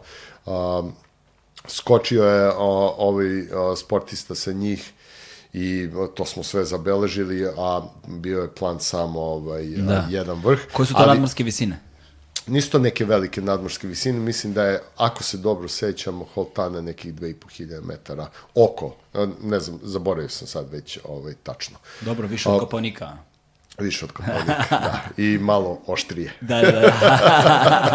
ono, surova stena. Da, da. Znači, surova stena. I to je jedan od najtežih oblika penjanja gde je a, miks a, leda i stene. Mm -hmm. Znači, da, to je ono tehnički jako zahtevno za penjanje i ono, potrebno je nerealno veliko iskustvo da bi se ono, peo na, na tom a, terenu koji je onako izmešan da je samo led, ti se pripremiš za led, da je stena samo za stena. Ovako miks svega toga ovaj, zahteva i posebno ono, pripremu i posebnu opremu. A, ok, alpinističke, odnosno penjačke pripreme, ovaj, gde si savladavao? U Francuskoj. A, Šamoni i taj deo. Jesi imao obuku za to? I to. U suštini, kao što sam ti rekao, ne striktnu obuku od nekoga, nego sam sa ekipom sa kojom sam išao, smo trenirali, vežbali, od njih sam učio i tako dalje. Tu su uglavnom Rusi sve bili. Mm -hmm. ovaj, I sa njima sam ovaj, prošao dosta stvari. Koliko je velika bila ta ekspedicija? Koliko vas je bilo? Osam ljudi. Osmora, os, osmora vas je bilo. Jeste. Um, Obično svi onda pomnože sa onih 22.000. Da, da, da. ne, nisam, ne to, nego me, ne, nego me zanima više ishrana. Uh, odnosno koliko ti, naš, kalorija dnevno trošiš tamo, kako, znaš, či, čime ste se hranili, šta ste nosili sa sobom? Mi smo, a, kad smo došli u Cape Town, mi smo ovaj, kupili a, hranu za 21 dan. Uh -huh. Jer smo znali da ćemo 21 dan biti ono odsečeni od svega. A, hranu smo kupili za 8.500 dolara za sve nas, a, što u suštini nije neka prevelika cena za 21 dan. To smo sve napakovali, poneli i a, kad smo došli tamo, polovinu te hrane malte ne nismo mogli da koristimo, nismo mogli da je odmrznemo.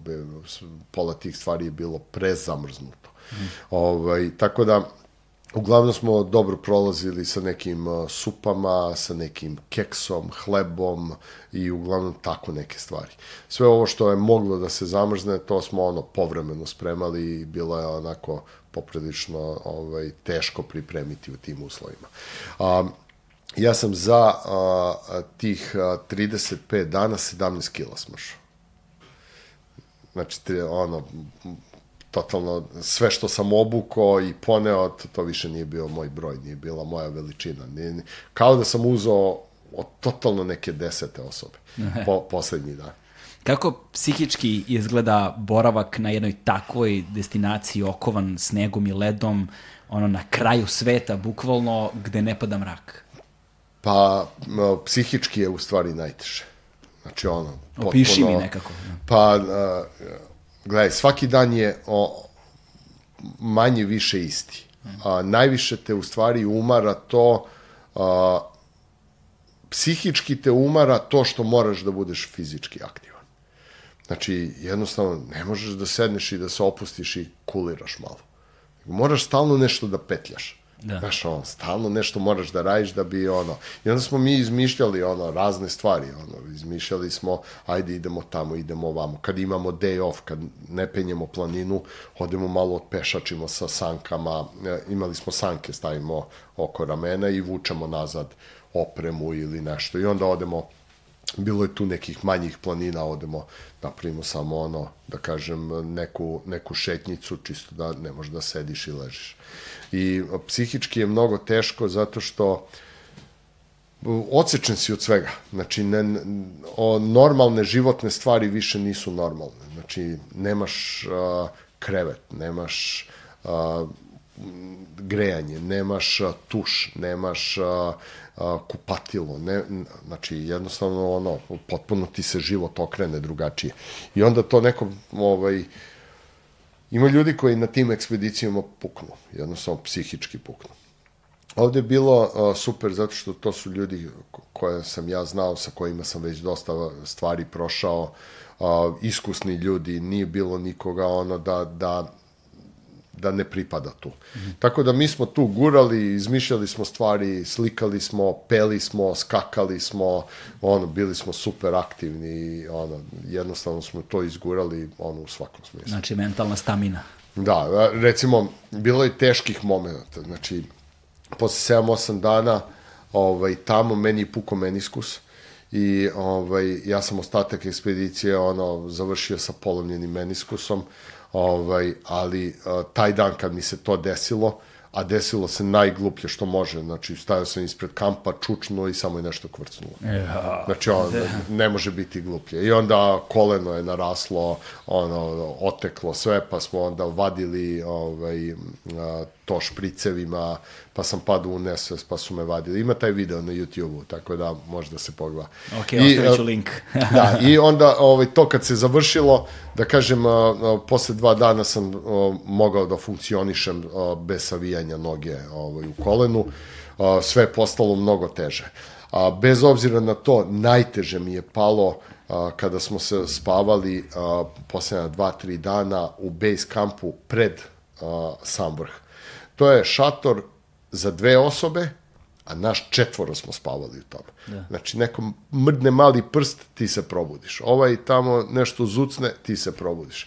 To je spavaš, a ne spavaš. Znači, da. ono, i ustaješ ujutru mrtav umoran, minus, ono, ne posustaje i tako dalje. Najniža temperatura je bila minus 35. Da.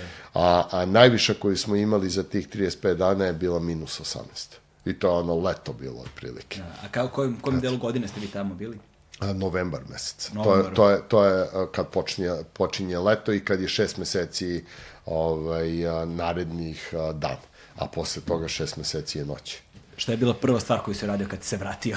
a, ka, kad sam se vratio na rusku antarktičku stanicu, prva stvar je bila otišli smo u saunu. Jel možda zamisliš ljude koji su svojevoljno ostali u sauni dva i po sata? Možeš da zamisliš to. I nije ti bilo dosta i nije ti bilo vruće i ništa ti nije falilo. Mislim, mi smo ono, dehidrirali, ono, umrli unutra, ali niko nije izlazio. Onda prvo, prvi moment kad, kad sam zagrlio jastuk i posteljinu kad sam osetio, kad sam se istuširao posle toga, a, kad sam spustio venecijanere na prozoru, kad sam napravio mrak, ono kao, a, neke stvari o kojima uopšte ljudi ne razmišljaju. Kad sam se vratio sa Antarktika, bio sam spreman, mogao sam da spavam gde god, da radim šta god, a, ništa mi ne bi smetalo, mogu bi da spavam na sred ulice, na trotoaru, bilo gde, bilo šta sam mogao da radim, jednostavno ono, to te totalno okrene. Ne, sa, ovaj, sad da se vratimo... A samo da, da ti Reci. dodam još nešto. U suštini, pravilo za, za ovaj, Antarktike, a, sve što odneseš tamo moraš da vratiš nazad. Mm -hmm. Sve što o, smeš da ostaviš, to su otisci tvojih stopala, a jedino što smeš da uzmeš i da poneseš sa sobom su memories, da. uspomene da. i fotografije.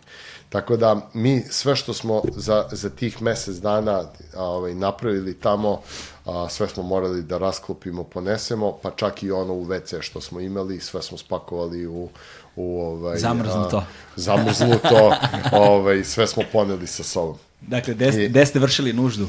Pa imali smo improvizovan neki WC i to je to i to to smo onda ono stavljali u neke kese, ovaj i to se skupljalo, ovaj tako da to to je bilo neko ovaj neki način funkcionisanja. Da li se tamo da li ti se tamo desilo osim mediskusa ovaj, da si video ili zatekao nešto što nisi očekivao da će se tamo zateći i videti?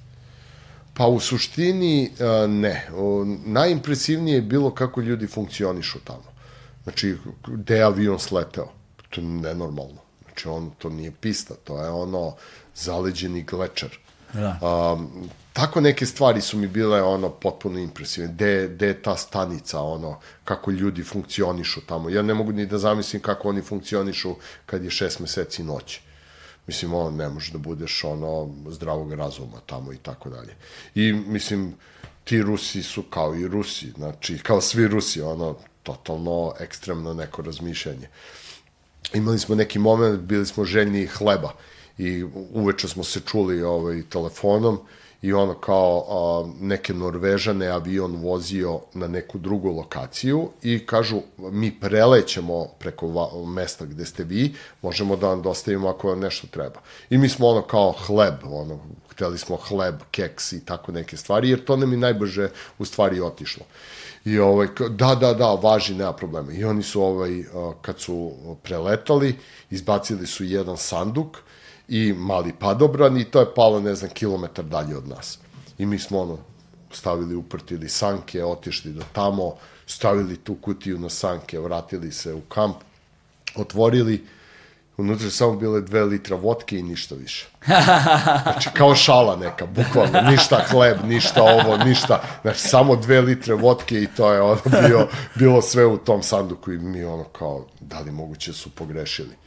I ono kao, uveče se čujemo, e, poslali smo, pa da, nismo imali hleba, ali ono kao, hteli smo nešto da vam pošaljemo. I to je ono kao dve litre vodke, šta će uz tim. Kao čovječ, dobro, jeste se ponapijali tamo barem. Pa mislim, a, Rusi piju, razvaljuju.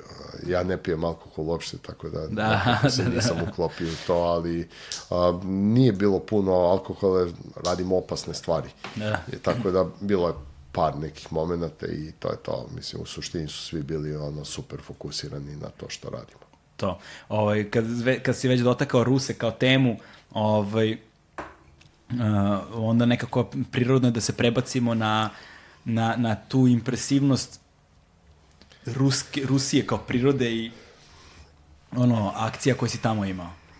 Pa, e, u suštini, e, čovjek sa kojim sam puno radio, nažalost je poginuo. To je taj Rus koji je bio samo na Antarktiku i s njim sam radio nekoliko super velikih projekata. Kako je Ovaj, poginuo? a, poginuo je prošle godine na Mount Everestu. A, radio je bez jump skok sa 7800 metara i a, nešto se desilo. A, verovatno je ono pao u nesvest ili nešto tokom leta i tako je poginuo. U suštini, jedan od najiskusnijih letača na svetu. Ovaj, nerealno iskustvo. Čovjek koji je izmislio disciplinu base climbing, u smislu penje se i radi base skokove sa neverovatnih mesta. Čekaj, to, ali to je radio i oni Dan Osman pokojni. Jeste. Ovaj, ali a, niko nije radio u ovom obliku ovog ekstremnog alpinizma. Um, ovaj čovjek je radio potpuno, ono, peo neke vrhove koji, koji su za alpinizam, ono, sam, ovaj, a, da kažem, a, najteži, najteži oblik. Ovaj, I sa njih je radio ovaj, base jump. Kako skokove. sam zvao? Valeri Rozov. Okay. Tako da, ovaj, s njim sam baš mnogo prošao. Recimo, on je u Pakistanu peo jednu stenu, 27 dana je proveo na steni. Možda zamisliš tu, tu psihu i to, to sve, mislim. Ovaj, a sa njim, kad si pomenuo Rusiju i, i uopšte on, njihove predele, bili smo na Kamčatki 15 dana, a, tačnije 17 dana, i imali smo projekat u, koj, u kom je on izveo skok u aktivni vulkan i izvlačenje iz aktivnog vulkana i cela stvar je bila ona, na tu temu. Čekaj, ajmo, ajmo sada, kao što je bilo sa Antarktikom, ovaj, um, kako izgleda logistika, plan, priprema skoka u aktivni, ajde, ajde na stranu to kako ti padne to uopšte na pamet kao ideja, nego kako se sad to izvodi i kako se regulišu svi sigurnosni protokoli i na kraju kako je to iskustvo izgledalo, slobodno ono, opiši što detaljnije. Što detaljnije. Pa mislim da će ti ovo biti najduža emisija koju si imao do sada. Samo napred, Niko, nikome ne smeta. ok, ovaj, pa a, a, prvo a, ideja je bila a, Valerijeva, a, drugo a, Kamčatka to je jedna posebna zabit. Znači, svetska zabit. A, imaš Kamčatku i još veću zabu, zabit u tom delu imaš deo koji zove Čukutka. E, onda ti je sve jasno po samom nazivu gde se to nalazi. Da. Ono, na samoj granici gore sa Aljaskom. I e, to je, ako treba da kažemo, to je zaista prava divlja, netaknuta priroda. U tom delu Kamčatke ima nekoliko aktivnih vulkana i ideja je potekla ono sa njegove strane da bi to moglo da se izvede. A, vulkan u koji smo mi, a, koji je bio naš cilj, zove se Mutnovski i a, razlikuje se od ostalih vulkana, dosta je širi. Aha. I ima jedan deo gde može da se sleti sa padobranom i onako da, da se prizemlji. Na osnovu čega ste tu utvrdili? O, na osnovu satelitskih snimaka, preleta helikopterom. Mi smo pa prvih 5-6 dana samo ispitivali teren. I ovaj, a, nekoliko preleta helikopterom smo napravili, pa onda smo ovaj, a, peli se do oboda ovaj vulkana da nađemo pravo mesto gde će on da izađe i gde ćemo mi da spustimo užad i tako dalje. Jer a, a, uopšte a, ti otrovni gasovi ti ne možeš da boraviš tu ne znam koliko. Ovaj, tako da vreme je bilo vrlo limitirano za njegov izlazak. I onda smo mi prvih 5, 6, 7 dana samo radili pripremu i logistiku za taj projekat. I onda smo našli ovaj mesto gde ćemo da, da ga izvučemo, gde ćemo da postavimo stanicu, baznu stanicu, užad i sve to. Onda smo se spustili u vulkan dole da vidimo koliko je to veliko on, o, u stvarnosti, to smo iščekirali, odredili mesto gde će on da sleti, vratili se nazad, a pritom svaki dan nas je pratio ono potpuno neke neverovatne stvari, ono skijaš, vozi snowboard po ivicama aktivnih vulkana i tako dalje. Mislim, teško onako opisivo rečima. I a, pritom smo onda imali a, treninge a, u baznom kampu a, za lavine, a, pronalaženje, pronalaženje ljudi u lavinama, a, pronalaženje ovaj, zatrpanih ljudi, izbegavanje, a, prepoznavanje mesta gde može da bude lavina. Znači, na te treninge smo potrošili isto 2-3 dana ovaj, u samom kampu. Kako prepoznaješ mesto gde može da se desi lavina? U, u suštini to je vrlo, vrlo jednostavno prepoznati jer to u 90% slučajeva su neki kuluari i a, uglavnom takva mesta. Znači ono što je izbačeno i ravno u većini slučajeva tu neće da se desi lavina zato što sa takvih mesta sklizne sneg i završava u tim udubljenjima i kuluarima, ovaj, kanalima i tako dalje. I onda se tu nagomilava sneg i onda u nekom momentu se samo to sve ovaj, surva otkači od svega toga. Tako da ima, ima dosta načina kako se to prepoznaje. Mm -hmm. I u suštini možeš i da vidiš, negde malo zagaziš sve i vidiš da se stvaraju pukotine i tako dalje i u suštini to i, izbegavaš da vidiš. I um, postoji ovaj, jedan način merenja a, ovaj, tog snežnog omotača, imamo jednu, ovaj, da kažem, aj, izgleda kao antena koja se raspra, rasklopi i ima 3 metra i onda tu uguramo, vidimo debljinu omotača i mogućnost za, za te stvari. E, a, sada, a, odlazak na Kamčatku, kako ste išli tamo? A, leteli smo a, na Moskvu, iz Moskve smo leteli 9,5 sati direktnim letom do, do Kamčatke. Mm -hmm. I tamo slećete na, na normalan aerodrom neki? Ili? Da, na normalan na, a, aerodrom u grad koji se zove Petropavlovsk. Mm -hmm. Petropavlovsk otprilike tako na našem jeziku. Da, da, ko, koliko ovaj, stanovnika ima taj grad, nema? Pa, pravo ti kažem, ne sjećam se toga. Ovaj, imao sam taj podatak, ali mislim koliko može da ima na Kamčatki. Da, da. Mada kod Rusa se nikad ne zna, znaš. ovaj, to je otprilike neka granica a, Japan, znači Japan tamo i, da kažem, gore Aljaska, znači taj ćošak Rusije. I u suštini, mislim, to je neverovatno zabit. To je ono, od momenta kad sletiš na aerodrom, shvatiš gde si došao. Kako izgleda sve to kod tebe tu? Pa, mislim, o, kao na Rusija od pre 50 godina. Mm. Znaš, onako, sve, sve, kao da je vreme stalo. Eto, da, najblaže ovo da. A priroda, je to su to tajge, šume tamo da, ili... U, u suštini to je priroda neverovatna, zimi je to sve belo. Znači, nemaš ti tu ne znam šta, ali a, konkretno reke, okean, a, vulkani, planine, to izgleda potpuno nestvarno. No. Da. Znaš, u svakom smislu nestvarno. Kao iz neke serije epske fantastike. Ja. Pa da, ono, hodaš i najđeš na neki uh, gejzir sa vrućom vodom, puši se, ima dosta tih, uh, ovaj, da kažem, uh, bazena sa vrućom vodom. Mi smo pored naše kampa imali ono, neku rečicu, toliko je vruća voda da ti ne možeš da uđeš da se okupaš unutra. Ono, ne znam, 100 stepeni ima voda. Na, da, je ključanje, ono, znači. Pa da, i onda smo imali neki bazenčić gde, ne znam, upalo od toga i tu smo se kupali, a potpuno sve prirodno. Da. Znaš, ono, priroda neverovatna. A, volao bi da odem na Kamčatku, ono, proleće, leto i to, verujem da to izgleda nestvarno u svakom Koje smislu. Koje godine ste bili zima? Naravno, zima. Da. Sve nešto zima Sve kod nešto mene. Zima, da, da e, ovaj, a, bio je mart mesec. A, ta, a, ti, a ti otrovni gasovi koje pominješ, ovaj, koliko dugo smete da boravite u blizini? Uh, u suštini zavisi od uh, blizine, koliko smo zaista blizu i uh, zavisi koja vrsta je tih gasova. Mislim, to su neka isparenja koja a, nisu otrovna ako ti dođeš i udahneš, ali ako duže boraviš, isto kao gasovi iz automobila i tako dalje. Tako da, u suštini, ovaj, nije to bilo nešto preopasno, ali dovoljno upozoravajuće da ti ne možeš da, da ovaj, tu boraviš. Jeste imali načine na koje ste merili to? A, u suštini ne, zato što mi nikad nismo bili u centru svega toga. Mm -hmm. Nego da to je bilo sve u suštini oko nas. Dosta je velika ta površina bila, tako da u suštini nismo imali potrebe ovaj, za tim stvarima. E, a, kako izgleda silazak u aktivni vulkan? Ono, jesi video lavu, znaš, jesi video... A, pa, u suštini mi nismo videli lavu, a, to nije u, o, aktivni vulkan u smislu da a, on radi i izbacuje lavu i da je, a, da, da je aktiviran, da kažem. Mm -hmm. Nego u suštini uvek, a, uvek imaš neka, da kažem, podrhtavanja i konstantno se nešto puši, konstantno izlaze, ovaj, da kažem, neki dim, isparenja i tako dalje. Tako da ti vidiš da to radi, ali nemaš ti osjećaj ono kao da je on aktiviran i sad o, beži, spašava i se ono lava na sve strane. Da, da. Tako da nije, nije taj oblik.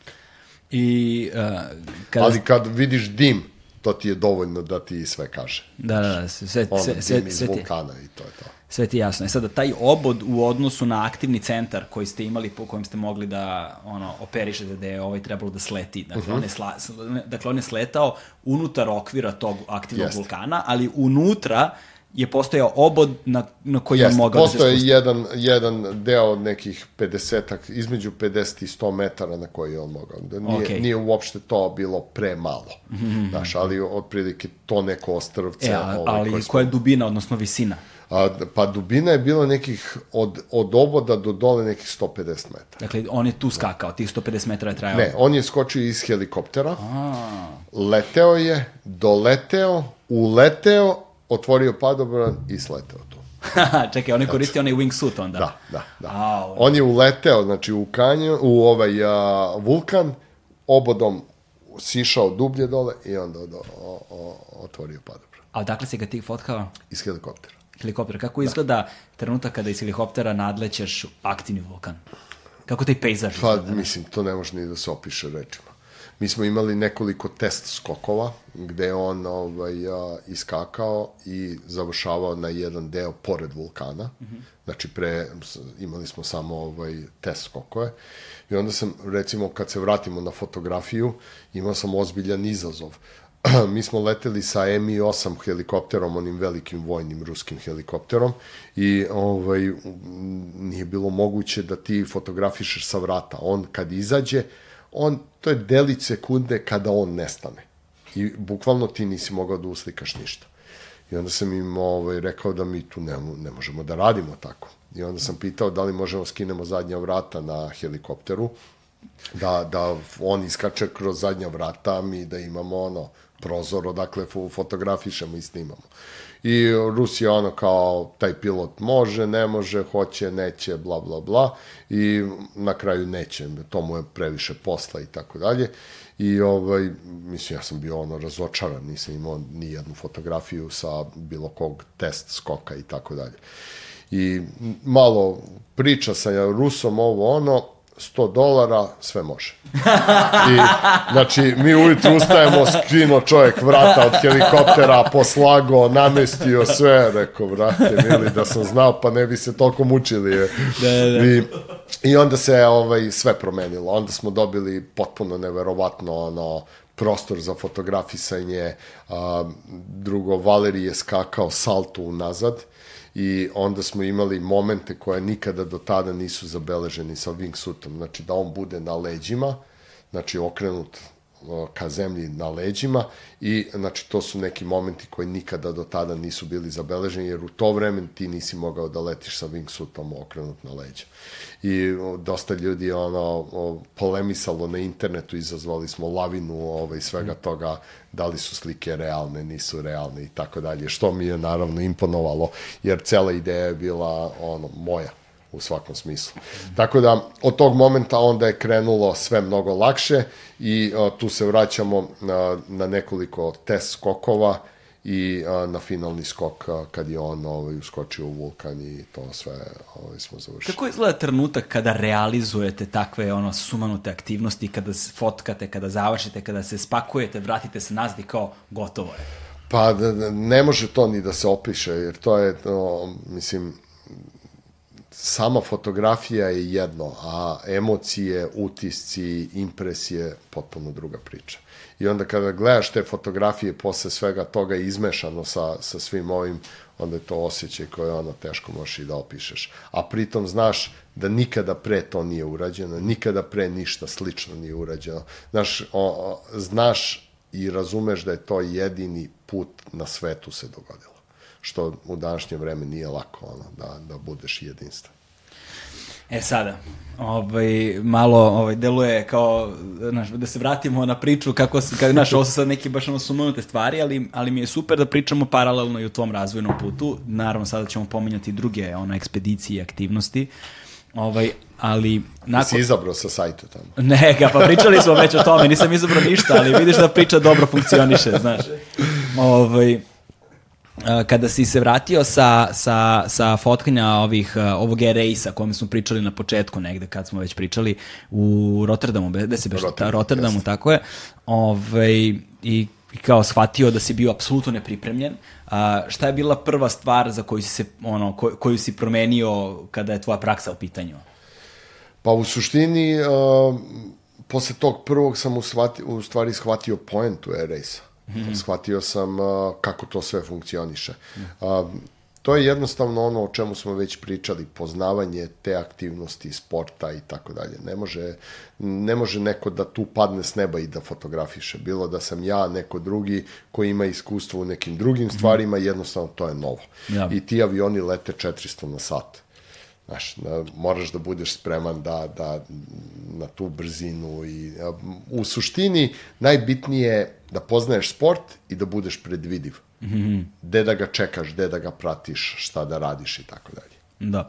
E, uh, nakon tog G-Race-a ovaj, pravio si, kažeš, fotografije koje su bile drugačije od svega, koje su, od svih fotografija koje su pravili ostali i to je nešto o čemu smo nas dvojica razgovarali, kako je recimo u svetu ekstremnih sportova, posebno skate recimo, um, Uh, naj, najveći broj fotografa uh, i snimatelja u svetu skateboardinga su ljudi koji zapravo voze skate, zato što Just. oni znaju kako trik izgleda, znaju kako se trik zove, znaju koji fazi trika treba i na koji način da se on ufotka, pod kojim uglom i tako dalje. Ali ono što je to izazvalo posebno sa tehnološkim, s tehnološkom dostupnošću i razvojem tehnologije jeste inflacija toga. Počeli su svi ti snimci, sve te fotografije da izgledaju isto jer su svi skateri fotkali iste trikove na isti način, da bi postigli isti efekat. Tako je. Ovaj, I zapravo ono što su fotografi poput tebe donosili novo na scenu jeste taj novi, nova vizura, novi ugao, novi stil fotografisanja nečega što smo već navikli da vidimo.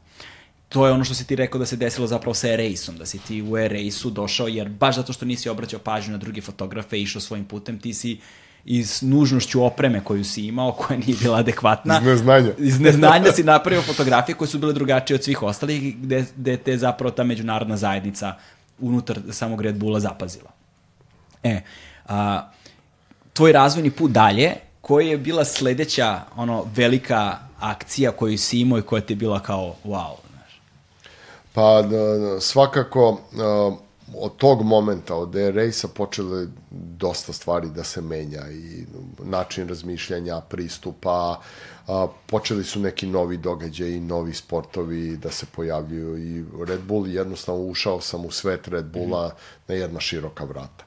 A, Odmah posle toga, a, jedan od impresivnijih evenata bio je Red Bull X Fighters u Madridu, koji važi za najneverovatniji događaj u FMX freestyle-u ovaj, širom sveta. I to je, da kažem, a, arena Las Ventas u, u Madridu je, a, da kažem, najveći događaj u ovaj, tom sportu i kad sam došao u tu arenu ovaj, po prvi put, sada imam a, sedam ili osam fotografisanja ovaj, X-Fightersa u Madridu, ali prvi put kad sam došao, to je opet bilo ono, veliko iznenađenje sam, za mene, ali već sam imao dosta iskustva mm. ovaj, sa tim stvarima i radio sam dosta manjih a, a, evenata te vrste i uopšte taj sport je poprilično bio slik, sličan BMX-u, bajku, trikovi mm. i tako dalje, tako da to mi je onako više ležalo.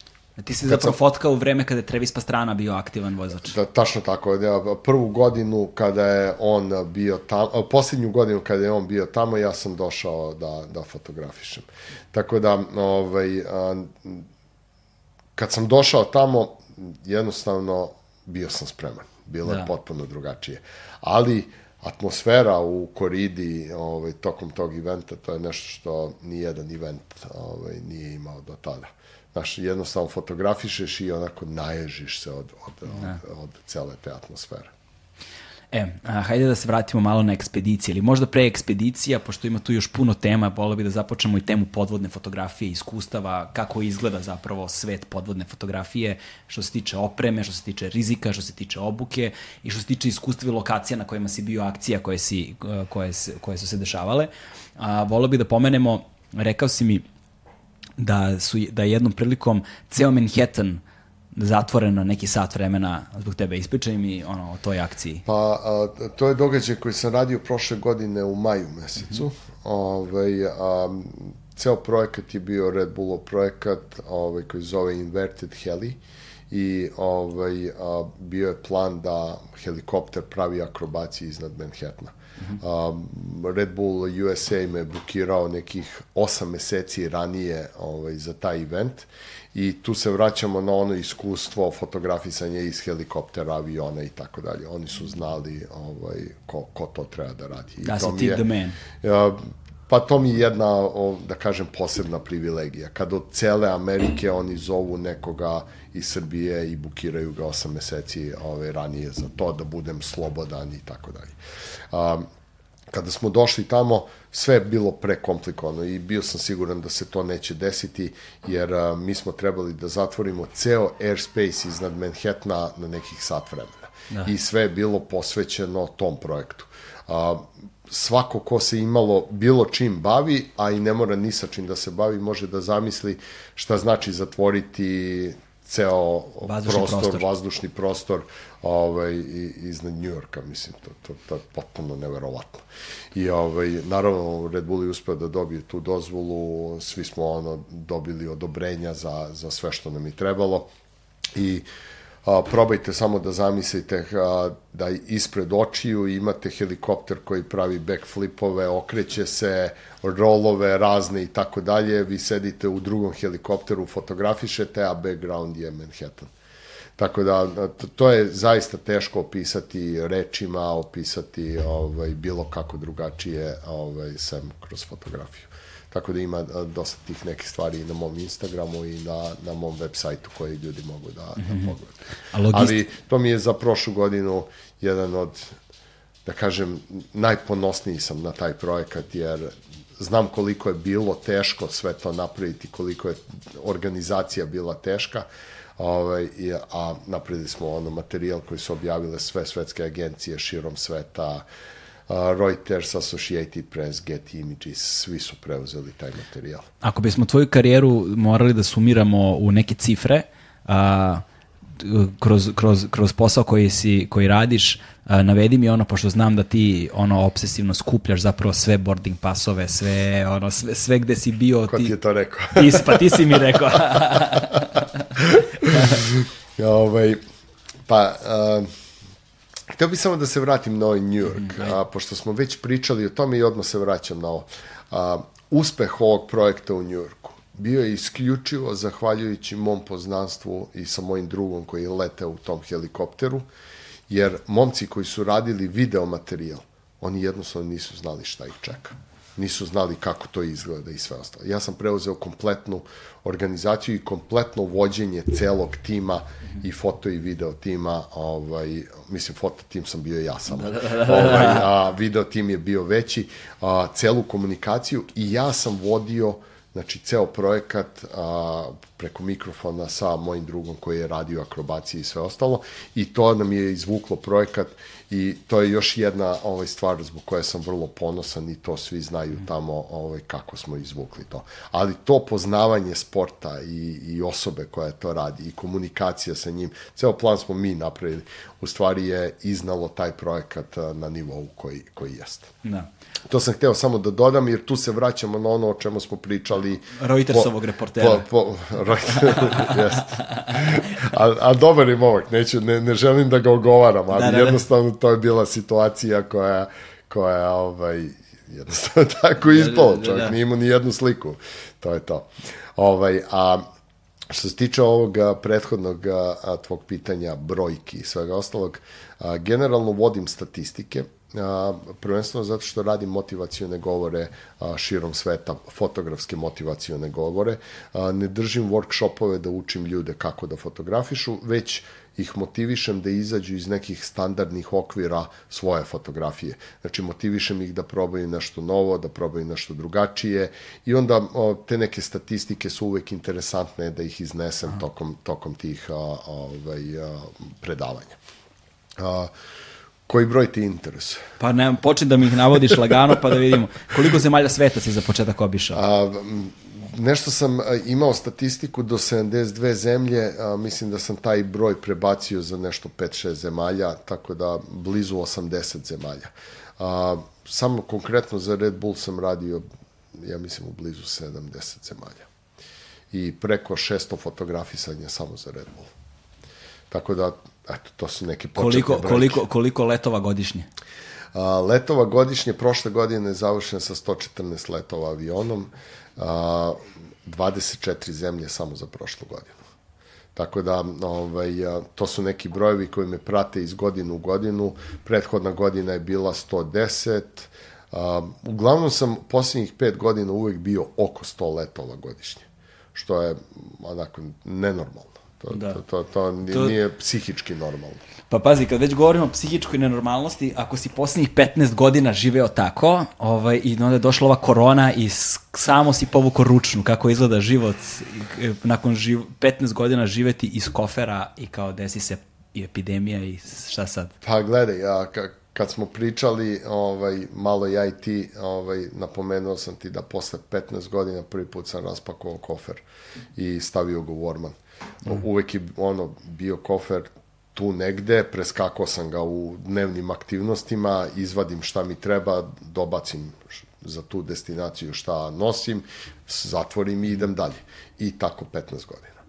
Ovaj, sad odjednom uh, nema kofera na sred sobe i ono kao osjećam kao da mi fali neki deo nameštaja ili tako dalje. Ovaj, I a, sve se promenilo. A, jednostavno da mi je neko pre godinu dana rekao da će sve da stane i da ću ja da stanem na, sa putovanjima i fotografisanjima, rekao bi da to, to ne postoji mogućnost da se desi, ali svi smo svedoci svega ovoga da je sve moguće. Si poludeo u izolaciji. Pa nisam poludio. Bilo mi je ekstra. Zato, a, ali ja se ne zezam, stvarno mi je bilo ekstra. Zato što sam imao neke nezavršene stvari. Nisam update-ovao sajt bio. Imao sam gomilu nekih priča na ovim stranama koje si ti listo pa si ih zatvorio, Da. koje nisu bile updateovane. A, završio sam a, update nekih galerija.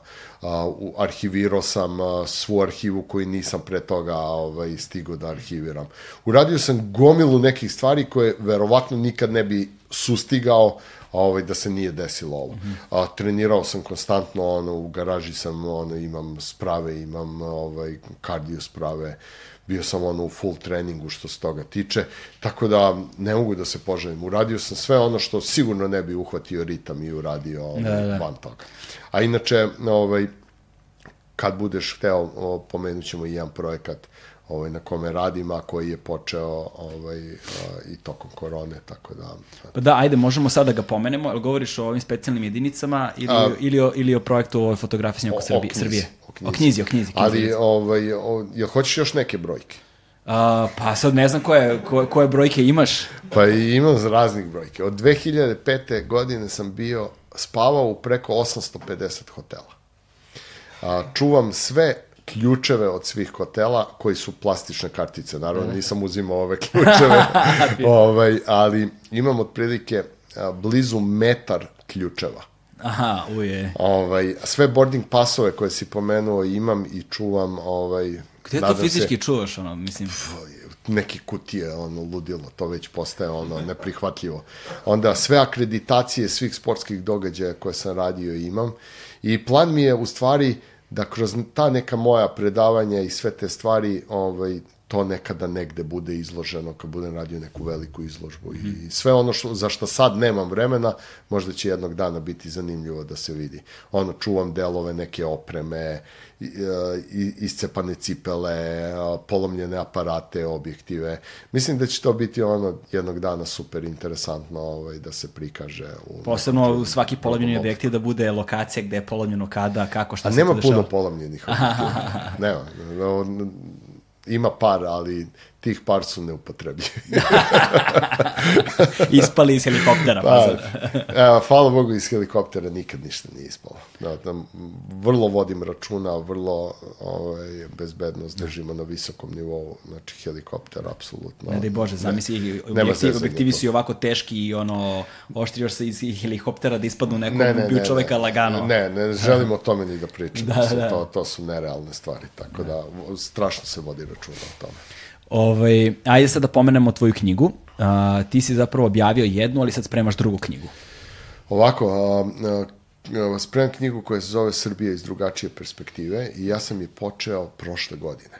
Ovaj, negde sredinom prošle godine ovaj, i a, to je knjiga koja će predstaviti Srbiju, kao što i naslov kaže, na jedan potpuno drugačiji način. Plan mi je da nekih 30% lokacija budu predstavljene ljudima za koje ljudi uopšte ne znaju da postoje. Kad kažem ne znaju da postoje, a, smatram široke narodne mase ne znaju. Ima vrlo malo ljudi, izvinjam se, koji, koji znaju gde, šta, kako, ali široke narodne mase ne znaju za te lokacije. Drugo, vrlo ponosno mogu da kažem da imaju neke lokacije na kojima sam bio ja i mojih par ljudi neki potpuno skriveni vodopad i, i potpuno nemogućnost da dolaska nekih ovaj ljudi koji nemaju ovaj način da dođu do tamo. A nekih 70% knjige će biti uobičajene stvari za koje ljudi znaju i svakodnevnice, a, turistička mesta, a, gradovi i tako dalje, ali sve to uslikano na jedan drugačiji način iz drugačije perspektive gde koristim avione, helikoptere, dronove, podvodne aparate, znači pokušat ću da u običajne lokacije pored kojih ljudi prolaze svaki dan, da ih predstavim onako kako ih oni ne vide. I kada vide tu lokaciju, da se zapitaju da li je to realno, da oni svaki dan tu prolaze, a da to izgleda tako. To u prevodu ovaj, nisu druge zemlje bolje od naše, nego samo imaju bolji marketing. pa, da, ima svega. Ima da, da. svega. Ovaj, ja sam vrlo srećan što je moj projekat prepoznat a, sa nekih viših instanci. Um, u suštini a, ne pričam puno o projektu. Da. Znači, ovo je, da kažem, možda drugi put da, da javno pričam o tome, a, zato što želim da projekat kad se pojavi da bude wow da. i da, da prezentacija knjige i sve bude na jednom visokom nivou i a, ceo, ceo moj projekat o knjizi prati i video. Tako da ljudi koji ne budu verovali fotografijama moraće da veruju ovaj video zapisu. I plan mi je da do kraja ove godine da to završim i da napravim ovaj veliku promociju i da da jednostavno ljudi u buduće imaju nešto što će da ponesu sa sobom, da poklone nekome, da pokažu i da prikažu Srbiju na jedan potpuno drugačiji način, jer a, ja sam kroz sve ove godine putovanja shvatio da mnogo ljudi ne znaju gde je Srbija, ne znaju šta je, pogrešno su informisani, naravno ima ljudi koji i znaju i, i imaju dobre informacije, ali većina ljudi tu jednostavno nemaju predstavu. I onda mi je u stvari bila najveća motivacija kad ja krenem negde, ja želim nekome to da ponesem i da mu pokažem ovaj, kako to u stvari izgleda. Mada to što bude u knjizi, to će biti van uobičajenih ovaj, a, a, lokacija, izgleda i tako dalje, tako da mislim da, da će izazvati veliku pažnju. E sada... A, a izvini, ja, pomenuo sam samo, o, pošto isto takvu knjigu sam napravio za Crnu Goru mm. I taj projekat je završen i ona predstavlja 100, 100 lokacija u Crnoj Gori. I isto se zove Crna Gora iz drugačije perspektive. I to je projekat koji sam završio i koji je zaživeo i ta knjiga i dalje postoji. A ovo je samo nastavak mog projekta ovaj, koji sam preneo u Srbiju. I korona je doprinela da je taj projekat bude realizovan mnogo brže. A, počeo sam ga prošle godine i onda sam zbog putovanja silnih išao nekim sporim koracima i onda kad je krenulo vanredno stanje, tokom vanrednog stanja sam napravio 7.500 km po Srbiji. obišao neka mesta koja nisam ono, ni sanjao da ću obići u takvom kratkom vremenskom periodu. Imam nekih a, 15 sati leta helikopterom ovaj, tokom vanrednog stanja i sve te neke stvari sam uspeo da, da završim potpuno neočekivano i naravno u sve ovaj, apsolutne dozvole ovaj, letenja, funkcionisanja i tako dalje, znači ništa nisam radio ovaj, van, van uobičajenih stvari. Pa nije ni čudo što ti je super bilo za vreme pandemije. Pa, ja, pitao si me, ja da, sam ti rekao. Nisi, nisi ti to. mnogo sedeo u kući, vidim ja, znaš. ovaj, e, a, pored toga, kad već, kad već govorimo o, o lokalnim stvarima, kad već govorimo o Srbiji, ti zapravo sada, to se trenutno dešava, ali tako? To se trenutno dešava i radim svakodnevno na tom projektu. Ok, ajde da kažemo kojem projek kom projektu se radi i zbog čega je taj projekat ekskluzivan i kakve su to situacije koje će taj projekat ono, vizualno da nam prikaže. A, misliš na knjigu, izvini, nisam ne, ne, mislim na ove specijalne jedinice. Aha. Ovaj, a, pored ovog projekta koji radim, ovaj, radim posebno fotografisanje za naše ovaj, specijalne jedinice a, Vojske Srbije. Mm -hmm. I a, nikada ni jedan civil nije pristupio tome i fotografisao to. I na to sam vrlo ponosan ljudi iz Ministarstva odbrane su to prepoznali na jedan pravi način, žele da to podignu na jedan visoki nivo i ovaj, a, a, 72. specijalna brigada koja, sa kojom radim, trenutno to je znači jedna posebna jedinica i posebna privilegija biti deo toga. A, takođe, opiši, opiši mi malo. Pa, a, privilegija u svakom smislu zato što ako nisi deo toga, ti ne možeš to da prisustuješ tome, da budeš ono, deo njih, ovaj, a, ako si običan civil i tako dalje. Samim tim što to krije neku, neki veo tajne i, i neke, da kažem, a, informacije koje nisu za širu ovaj, javnost, samim tim ovaj, to je ogromna privilegija da ja budem deo toga. Mm -hmm. U, u suštini, a, a, poslednje fotografisanje koje smo imali, radio sam sa roniocima 82. čete, to jest jedinica za specijalne operacije, rečni diverzanti. A, sa njima sam radio podvodne fotografije i a, ponovo se vraćam na to, nikada niko nije zaronio sa njima a kamoli fotografisao ih pod vodom. Tako da, ovaj, ceo taj projekat Reci. E, ne, pa, hoću da se zustavim ovde, zato što ja sam video neke od tih fotografija koje su zaista impresivne. Sad mi moramo te fotografije... Sam neke... ti rekao da ne govoriš da si video.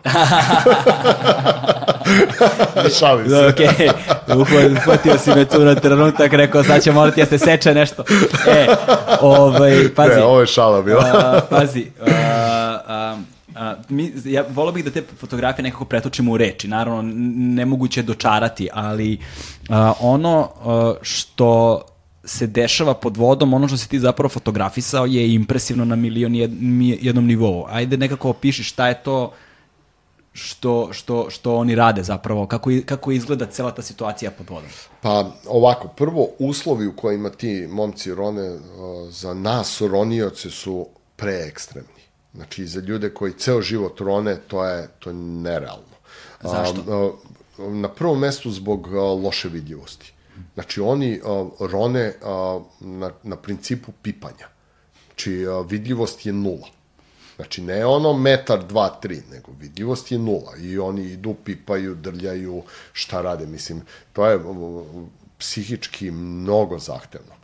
A, drugo, ti neki strahovi i sve ostalo što, što to je, vuče takav oblik ronjenja, mislim, to je na neverovatnom nivou. Ti momci su toliko spremni i, i način na koji oni rone, to je potpuna impresija. Ja se bavim ronjenjem jako dugo, već smo pričali o tome, znači ja kad sam zaronio sa njima i video kako to sve funkcioniše, opet mi je ono dalo jedan poseban ovaj izazov za, za fotografisanje toga. Mi smo poslednje snimanje radili a, nekim barama kod a, Pančeva, imaju neke bare između Dunava i, i ovaj, a, tu glavnog puta. A, pijavice, zmije, žabe, komarci, sve što možeš da zamisliš je bilo tamo.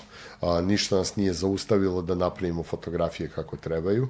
A, naravno vidljivost nula i tu nismo ni radili čak podvodne fotografije jer nismo mogli da se vidimo na metar između nas. Znači, vidljivost nula. A, drugi deo fotografisanja i fotografije koje si ti video su napravljene na Adici Galiji, gde je vidljivost od metar do dva, ali opet a, jedna potpuno ono, a, fotografski neprihvatljiva sredina. I a, mi smo uspeli, ono, bili smo, ne znam, dva, tri sata pod vodom kad se sve sabere, ovaj, napravili smo fotografije kakve smo napravili, ti si video kako izgledaju i mislim da smo pomerili granice svega što, što, što postoji. Mogu da kažem samouvereno čak i na svetskom nivou, zašto sam ja istraživao o, sve šta su drugi ovaj, a, vojni ronioci radili, kakve fotografije postoje.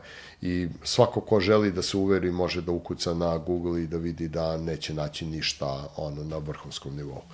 Projekat koji smo mi uradili i šta smo mi zabeležili, to izgleda u pravom smislu reči nestvarno, a u uslovima koje smo imali. Bukvalno deluje kao postapokaliptična ono fantastika, tako ta ono naučna fantastika, tako deluju fotografije, posebno zbog opreme koju oni nose i, i uh, dve stvari koje koje treba da naglasimo. Prva je svi su oni naoružani zapravo ispod vode. Da, oni su full naoružani. Full naoružani. Da. Kakve su to puške?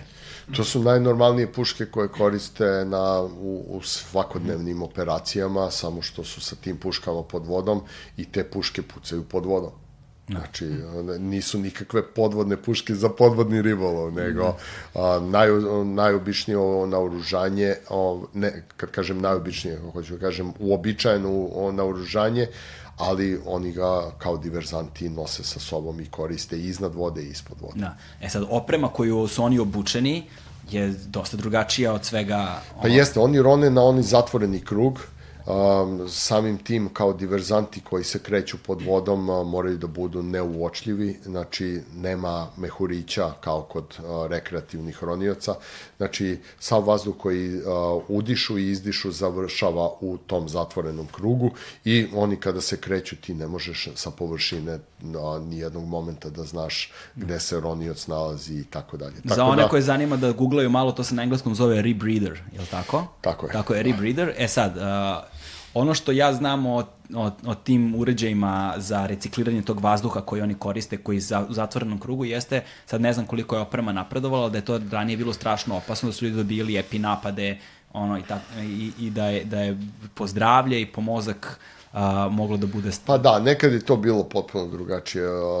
Danas je to potpuno savremena oprema, apsolutno bezopasna, a, apsolutno vođena kompjuterskim jedinicama i proračunima, tako da a, postoji posebna obuka za te stvari i zna se kako se te stvari koriste.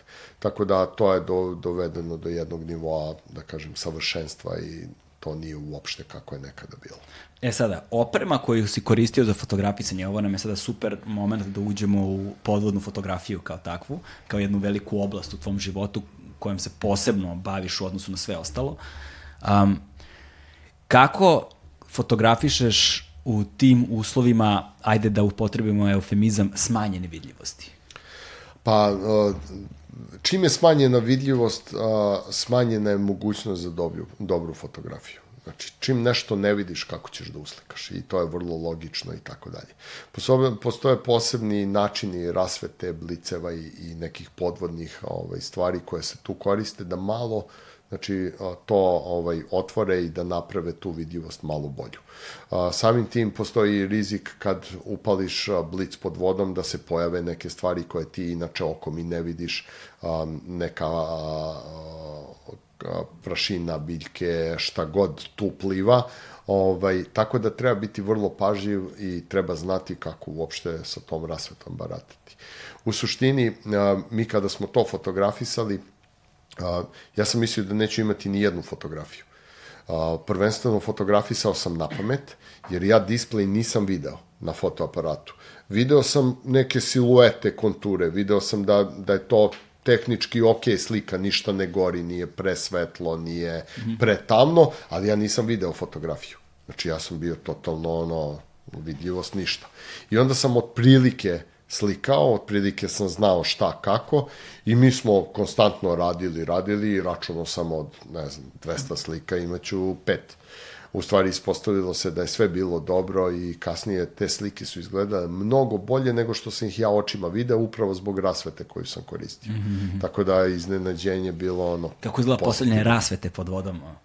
Pa u suštini postoji poseban fotoaparat koji je u podvodnom kućištu, to jest fotoaparat koji ja svakodnevno koristim u podvodnom kućištu a, koje koristim pod vodom. A, na tom podvodnom kućištu postoje nosači za bliceve i to izgleda sve kao iz nekog svemira, mislim, ne. tako, tako ovaj, funkcioniše. I sve je mnogo veće predimenzionirano u odnosu na ovaj, običan fotoaparat. Ja sam imao neka iskustva ovaj, kada sam snimao jedan dokumentarni film o ronjenju na dah sa apneistima, pa sam onda koristio podvodnog fotografa. I to je bila dosta komplikovana procedura, znaš, zato što jedan apneista zaroni i izroni, ono, ne znam, 50, 60, 70, 100 metara, ali da bi na različitim nivoima dubine uh, fotograf mogao da fotografuje sa bocom, on zapravo mora više puta da zaranja i da izranja, zato što on mora da se dekompresuje u stvari. Pa, znaš kako, postoje procedure ovaj, samog ronjenja uh, određenih dubina i da se razumemo, ronjenje rekreativno na vazduh je do 40 metara da. limitirano. Sve ostalo se ovaj, koriste ovaj, miks raznih gasova da bi išao dublje i ovaj, u suštini postoje procedure. Tako da, drago mi je da to pominješ jer a, samo fotografisanje i snimanje pod vodom a, na prvom mestu moraš da budeš dobar ronioc Znači da vodiš računa o sebi, o ljudima oko sebe, da vidiš koja je dubina, koliko si dugo pod vodom, a, koliko ćeš imati deko ako imaš. Znači, postoji desetine stvari o kojima moraš da vodiš računa. E, kad to savladaš, na sve to dolazi fotoaparat koji nosi svoje zahteve, settings, oblicevi, rasveta, objektiv, znači na, na onih desetak stvari koje si imao dodaješ još nekih desetak. Da. Tako da e, jednostavno moraš ovaj, i jedno i drugo da savladaš, a pritom si limitiran sa vremenom. Ne možeš ti zauvek da ostaneš pod vodom. Znači, vreme je ono što, što kad zaroniš, sat počinje da kuca. I ti imaš određeno vreme da napraviš određene stvari. E sada, s druge strane, ta kućišta, ona trpe ogroman pritisak. Ovaj, I kako sad funkcioniše, jer meni je pričao ovaj podvodni ro, fotograf, uh, ronilac i fotograf, kako postoji ono ti dugmići koje pritiskaš su onako gumeni, one, jer ne, ne pritiskaš ti dugme direktno na fotoaparatu, nego dugme na kućištu koje pritiska dugme na fotoaparatu zapravo, ovaj, koji je nekada na određenim, pod određenim pritiskom, pod određenim dubinama možda i ne radi, kućišta mogu da trpe određenu vrstu pritiska, ne možeš sa svakim kućištem na svaku dubinu i tako dalje volim ova pitanja što postavljaš, jer ovo nisu uobičajene stvari. Ne. A, a, ovako je, a, ja sam ambasador jednih od najboljih kućišta na svetu, to je Subal američka, o, austrijska firma, i oni prave jedno od najkvalitetnijih kućišta na svetu. Sve ovo što si pomenuo, kad odeš na određenu dubinu, a, ljudi a, reklamiraju neke kese za fotoaparate, a, neka plastična kućišta za fotoaparate i ti kad odeš na određenu dubinu, pritisak to stisne, ako nije dobro kućište, on ti pritisne sve dugmiće unutra i tebi aparat na određenoj dubini potpuno neupotrebljiv. Ako je kućište aluminijumsko i dobro, znači u tom slučaju ti nemaš nikakav problem. Moje kućište je testirano do 120 metara i on, znači bilo koja dubina pre toga ti imaš potpunu funkciju svih dugmića na ovaj kućištu. Tako da kvalitet daje rezultate s ove druge strane.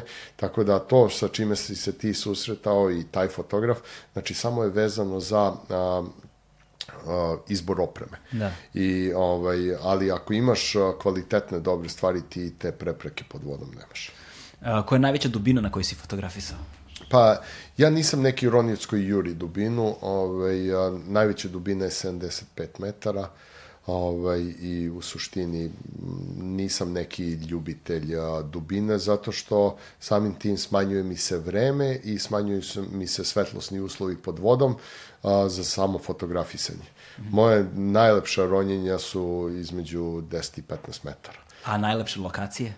A, najlepše lokacije koje svakako one koji stopa mogu da izgovorim su Kajmanska ostrava i tamo sam proveo 6-7 ovaj, godina za redom ovaj, ronjenja i to je definitivno jedna od najboljih lokacija na kojima sam bio i koja važi za ono svetsku lokaciju ronjenja. Tamo je vidljivost pod vodom 50 metara. Da, I ludilo. vole bi ove moje momke iz 72. brigade da odvedem tamo. to sam im već rekao, mislim, oni ne bi znali šta da rade tamo. Znači, Suviše lepo za ronjenje za pa njih. ne, ono, nije realno. Z- Zamisli uh, vidljivost pod vodom 50 metara. To, to je kao vazduh. Znači, on... A i nisu baš uslovi kao pančevačkim barama, znaš da? Pa nema pijavice. da, za početak i mulja tog tipa. Da, da, da. Ove, e, a, putovanjem na sve te lokacije, na svim tim ekspedicijama, znaš, pored samog fotografisanja, pored same aktivnosti zbog koje ste tamo, znaš, a, ispričaj mi malo a, ono, utisak sredina u kojima si bio, šta si doživljavao, znaš, su, da li možda susreta s nekim kulturama, s nekim narodima, mo- možda susreti sa nekim, ono, naš divljom prirodom, naš neke neobične stvari koje su ti se tamo dešavale, kako izgleda boravak u svim tim sumanutim uslovima koje mi obični smrtnici možemo da vidimo samo na fotografijama i na nekom YouTube snimku Na ili nekom filmu. Znaš, na tvojim fotografijama, da. da. Daj, nam, daj, Pa- nam malo, daj nam malo život van tih fotografija. A, znaš kako, a, svaki a, grad, svaka država je kultura za sebe. Naravno ima sličnosti, naš ceo region je sličan i to je ovaj, bez danjeg. Čim malo negde mrdneš dalje, oseti se ta razlika u razmišljanju, u kulturi, u pravilima, u principima i tako dalje. Generalno, Kina je nešto posebno, oni su svi, tamo logika nije ista, kao naša. Znači, ono što je nama logično, tamo je nelogično i obrnuto. A recimo sa tim sam se susreo jer sam 17 dana bio prošle godine u Kini i jednostavno ne razumemo se. Jeste da ne pričamo istim jezikom, ali ne razumemo se logički. Tako da ovaj, ima dosta takvih stvari. A, Pakistan je jedna od najopasnijih zemalja u kojima sam bio. A, tu sam shvatio da bukvalno svako može da nestane u roku od pola sata i da ga niko nikad i, niti traži, niti nađe. Ovaj, ogromna količina ljudi na ulicama, ono, u svakom momentu oko tebe se skupi 200 ljudi, ono, ni od kuda. Znači, ne vidiš ih i odjednom ih je 200 oko tebe i tako dalje. Tako da to je jedna od najopasnijih zemalja u kojima sam bio, da kažem, gde sam možda čak imao neke neprijatnosti i tako dalje. Sve ostalo, u suštini, a, moje pravilo je da se prilagodim lokalnoj kulturi, lokalnim zakonima i lokalnim pravilima. Sve što radiš van toga možeš da završiš a, tamo gde ne treba da završiš. A, u suštini, a, još jedno od pravila je a, gde god da putujem, hranim se kao da a, se hranim, ku- kao kad se hranim kući. Znači, neću da uzmem i da probam sve i svašta, nego ću uzeti ono što smatram da, da znam šta je, kako je i tako dalje. Mogu malo da eksperimentišem tu i tamo, ali u suštini trudim se da da se držim nekih tih pravila. A, u Indiju kad sam putovao nosio sam svoju hranu. Jednostavno tamo nisam mogao da se prvi put kad sam išao prilagodim njihovoj hrani. A, a, svi ljudi koji su navalili na njihove začine, na njihova jela i sve, a, posle dva dana su završili sa stomačnim problemima, a, prolivom, dijerejom i da, da. šta god već. Tako da, u suštini, držim se nekih pravila, vrlo sam proračunat i neću sad uraditi nešto van uobičajenih stvari, pa ni za fotografiju, ni ovako, ni onako, znači, a, vrlo sam programiran što se toga tiče. Da, ma iz druge strane... I da, treba poštovati svačije zakone. A šta ti se u Pakistanu dešavalo? U Pakistanu sam bio isto sa Rusom i skakali smo, o, to je skakao je sa najviše zgrade u Pakistanu, base jump skok, koja nije neka visina 85 metara. I ovaj, um, tamo je dovoljno ono, ideš ulicom i odjednom se pojave tu neki ljudi koji ti postavljaju pitanja za fotoaparate, za ovo, a naprave ti nešto, neku frku kao naši šibicari. Da, da. Naš frka policija i odjednom se tu stvori haos totalni haos. I o, bilo je svega i svačega, naravno, mi smo imali o, policijsku pratnju, mi, mi nismo otišli tamo kao ozbiljni, o, ob, o, o, obični turisti. Od momenta dolaska na aerodrom do hotela i tako dalje, imali smo konstantnu policijsku pratnju. Recimo, o, bili smo ne usetim, a, veliki lanas hotela, da li Sheraton ili tako neki, prilaz do hotela je bio ovako u nekim krivinama, na svakoj krivini stoji čovjek sa mitraljezom. Znači ono, kućica i mitraljez i sad ti ideš jedan mitraljez, drugi mitraljez i tako dalje do ulaska u hotel. ulaz u hotel je kao na aerodromu, ono, full security i tako dalje. Mi smo bili u Karačiju. Da. Tako da, to su sve neke stvari koje, ono, potpuno neuobičajne kad ti dođeš iz neke normalne evropske realnosti i onda sletiš tamo neko ludilo, total, ludilo, ludilo. Da. Tako da, Indija je isto ono totalni haos. A što se tiče divlje prirode, znaš, da li si imao opasne susrete sa medvedima i slično? Pa u suštini a, ništa od tih stvari nije bilo. A, ono, najopasnije životinje sa kojima se susretao su zmije. Mm -hmm. I da kažem, ono, neke zvečarke, neke ovaj, ne, neuobičajene ovaj, životinje za naše uslove. U suštini nisam imao nikakvih dodirnih tačaka sa, sa, sa divljim životinjama. Ne. I u suštini a, a, sve moje ekspedicije su dobro proračunate. Znači, nisam samo ja disciplinovan i proračunat u svemu tome, nego uglavnom a, sve što radimo ima smisao i ono, pravi se plan unapred. Da. Ne prepušta se ništa slučaju. ovaj, e sada, um, za, reci mi nešto više o projektu koji je isto strašno zanimljiv, koji zove Jetman. Je li Jetman beše? Jeste. Jetman, ne. Ajde sad reci, šta je Jetman?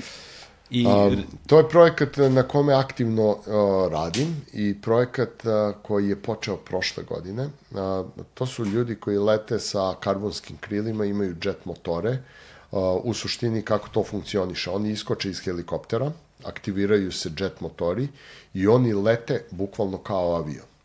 A, do prošle godine a, oni su iskakali iz helikoptera, leteli, autonomija je nekih a, 8 minuta, 12, ali mi smo na 8 prekidali sve aktivnosti i sletali su sa pado, padobranom. A, plan celog projekata, ovaj, inače projekat se zove Human Flight, mm -hmm. plan je da polete sa zemlje, da lete kao avion i da slete na zemlju. Trenutno je faza poletanja sa zemlje završena, letenje je već dugo ovaj, uobičajeno i sada se radi na fazi sletanja i plan je do kraja ove godine da se upotpuni projekat. To Ništa... će biti prvi put da je neko, izvini što ste prekinuo, prvi put da ovaj, a, jedan, a, da kažem, humani avion ovaj, poleti, leti i sleti na zemlju i zato se i zove projekat Human Flight. Dakle, čovjek obuče krila. 400 na sat. Lete, 400, lete da. kao ovi rejsevi, kao da, avioni. Da, ono. da, oni su u stvari avion. I oni, a, za sve aktivnosti koje smo imali, oni a, traže dozvolu aerodroma za letenje. Znači, oni se smatraju avionima. Tako da, no, ovaj, to je jedan poseban projekat na kome radim, gde opet... Kako oni štite o, sebe od tog silnog vazdušnog otpora? A, od...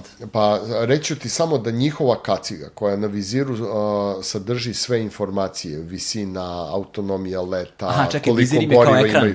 Tašan, kao tako, Iron Man. Otprilike, da. Znači, a, njihova kaciga, a, neka vrednost procjenja samo kaciga je preko 100.000 dolara. Wow. I oni a, sve informacije imaju na viziru, a ujedno i kaciga je ono zaštitni ovaj, deo opreme. A šta, u što su obučeni? Imaju posebno odelo koje je ono sastavljeno od nekih posebnih vlakana, pola je karbon, pola su neka vlakna i ovaj izvini Kevlar A, i Kevlar. i ovaj posebno odelo za za te stvari pošto ujedno i ti motori ovaj veliku temperaturu podižu znači da je neko obično odelo može da se zapali Tako da o, sve to zvuči nestvarno, a pogotovo kad letiš helikopterom i pored tebe proleti čovek a, 400 na sat, ne možeš ni da ga uslikaš aparatom. Znaš, ne, no, koji zvuk proizvode ti, ti, a, ti Kao mlazni avion. Kao mladi, šte, znači onda on mora i uši da zaštiti. Ta, tačno tako, i mi oko njih svi imamo slušalice i to, znači jednostavno ne možeš da boraviš ono u prisustvu toga. Kako znači, kontroliše čovjek taj avion? A, kontroliše telom. Telom. Znači, a, telom kontroliše a, zaokrete, a, putanje i tako dalje, a brzinu ima u ruci ima, o, da kažem... Joystick. A, neki mali joystick pomoću koga ovaj, pojačava, smanjuje brzinu i tako dalje. Da, koje, koje znači, G sile oni trpe na svoje telo? Pa u suštini u nekim momentima blizu 12G. Plinus 12G i kako ne padnu u nesvest ili... Pa da, to su ljudi koji su trenirani za to. Oni se samo tim bave svaki dan, ceo dan. Da, i mislim... A inače su i dobri letači sa wingsuitom, padobranci i tako dalje. Mislim, to nisu obični ljudi. Oni, oni su život posvetili tome. Bog te, ma, to je, koliko je to nenormalno, znaš, ne mogu da, ne mogu da zamislim uopšte. Da, svako ko bude hteo da pogleda može da ukuca Jetman hmm. i ovaj, pre, pre ove korone u februaru smo imali to prvo poletanje sa zemlje, gde su oni poleteli u Dubaju i odleteli. Mislim, ono, po, po, ne, to stvarno zvuči tako nemoguće da ne može da se opiše rečima. Da. I vrlo sam ponosan na taj projekat, jer opet a, moje reference su me dovele tu i oni su, a, to nije a, Red Bullov projekat, Red Bullovi su sportisti, mm -hmm. ali projekat je finansiran od Expo 2020 iz Dubaja, a, ovaj, a oni su došli do mene a, na osnovu mojih referenci. I jedan sam od, od njihovih oficijalnih fotografa za ceo taj događaj. Ludilo čoveče. E, da. ajmo sada da pomenemo ono što verovatno svi slušaoci i gledaoci znaju, a i verovatno očekuju negde, jer neverovatno mi je da nikada, nigde nije bio intervju sa tobom na tu temu, a u pitanju je legendarni Stratos projekat. Bilo je puno intervjua. A da, ali ovde, mislim, lokalnih. Pa i lokalnih je Da, ali ja se ne sećam da, da je, mislim, da pa, znam da se go pominjalo da tvoje ime i da je bio uživo prenos na televiziji, da se govorilo o tome da je na terenu naš fotograf, o, to jest ti, ali se ne sećam da je bilo nekakvih ozbiljnih intervjua. Pa, da, da, bilo je, sad, tu i tamo i tako dalje, ovaj, u suštini dosta se pisalo mm -hmm. o mhm. tome. Pisalo se o Stratos projektu, ne sam se pisalo jeste, o, o, o bilo je intervjua i tako dalje u suštini nisam ja neko koji ide trči da intervju, da, da, da. se razume. Tako da tebi hvala na pozivu, a meni je čast što sve pričam kod tebe. I mislim da nigde nikada nisam ovoliko stvari ispričao, da. sem na mojim predavanjima. E, Stratos projekat. A, ono što verovatno svi žele da čuju, najviše, što najviše žele da čuju, dakle, Felix Baumgarten, je li tako? Jesam dobro Baumgartner. A Baumgartner, jest, ok. Jest. Felix Baumgartner je čovek koji je, da li je to neka 2012 2014. 14. bog te, a? Ok, 2014. godine je zapravo skakao sa ivice svemira. Tako je. Um, odnosno iz stratosfere, ali tako? Jeste. E, ovaj, pre njega, koliko se sećam, bio je samo jedan čovek koji je koje je slično to, to sličan podvig uh, Jeste, imao... to, to je bio Joe Kittinger, a inače njegov mentor za ovaj projekat. A, jeste. I on je skočio sa 28 km. Sa 28, a Baum sa 30 39. 39 km. Bog te masa. Ajde sad da pričamo, ajde sad da pričamo o, tom, o, celo, o celokupnom tom projektu, barem onoliko koliko ti znaš i koliko si ti u njemu učestvovao. Pa, koliko ja znam, ovaj, znam svašta. Da, Tako da neću ti ispričati sve što znam, ali ću ti dosta informacija preneti. ovaj, a, projekat je traju četiri godine, znači pre završnog skoka. Mi smo tu imali gomilu stvari kao fotografi. Znači, nas trojice smo radili na tome i ovaj, nije bilo sve vezano samo za skok, nego je bilo ovaj, da mi kroz fotografije zabeležimo istoriju u smislu od početka projekta do kraja svaki njegov korak. I mi smo bukvalno sve fotografisali, njegove pripreme, njegove treninge, pripreme celog tima, a, nasine naučnike. Znači, naš tim je bio oko 200 ljudi. I svih tih 200 ljudi, svako je bio u nečemu, u nekom svom poslu najbolji. Znaš, da li su tu bile u pitanju neke ovaj, posebne stvari, posebne a, posebna znanja a, vezano za a, ono svemirske stanice, a, lansiranja posebne balone, kapsule i tako dalje do nekih a, meteoroloških a, stvari, meteorologa i tako dalje.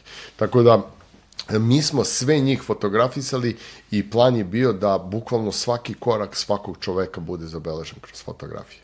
Tako da jedan od najkompleksnijih o, projekata koji sam ikada radio svakako, kao na referenca, verovatno nešto slično se nikada neće ponoviti, ovaj, ali ovaj, kad se sve to sabere, o, projekat koji je trajao četiri godine i da smo napravili hiljade i hiljade fotografija svega toga.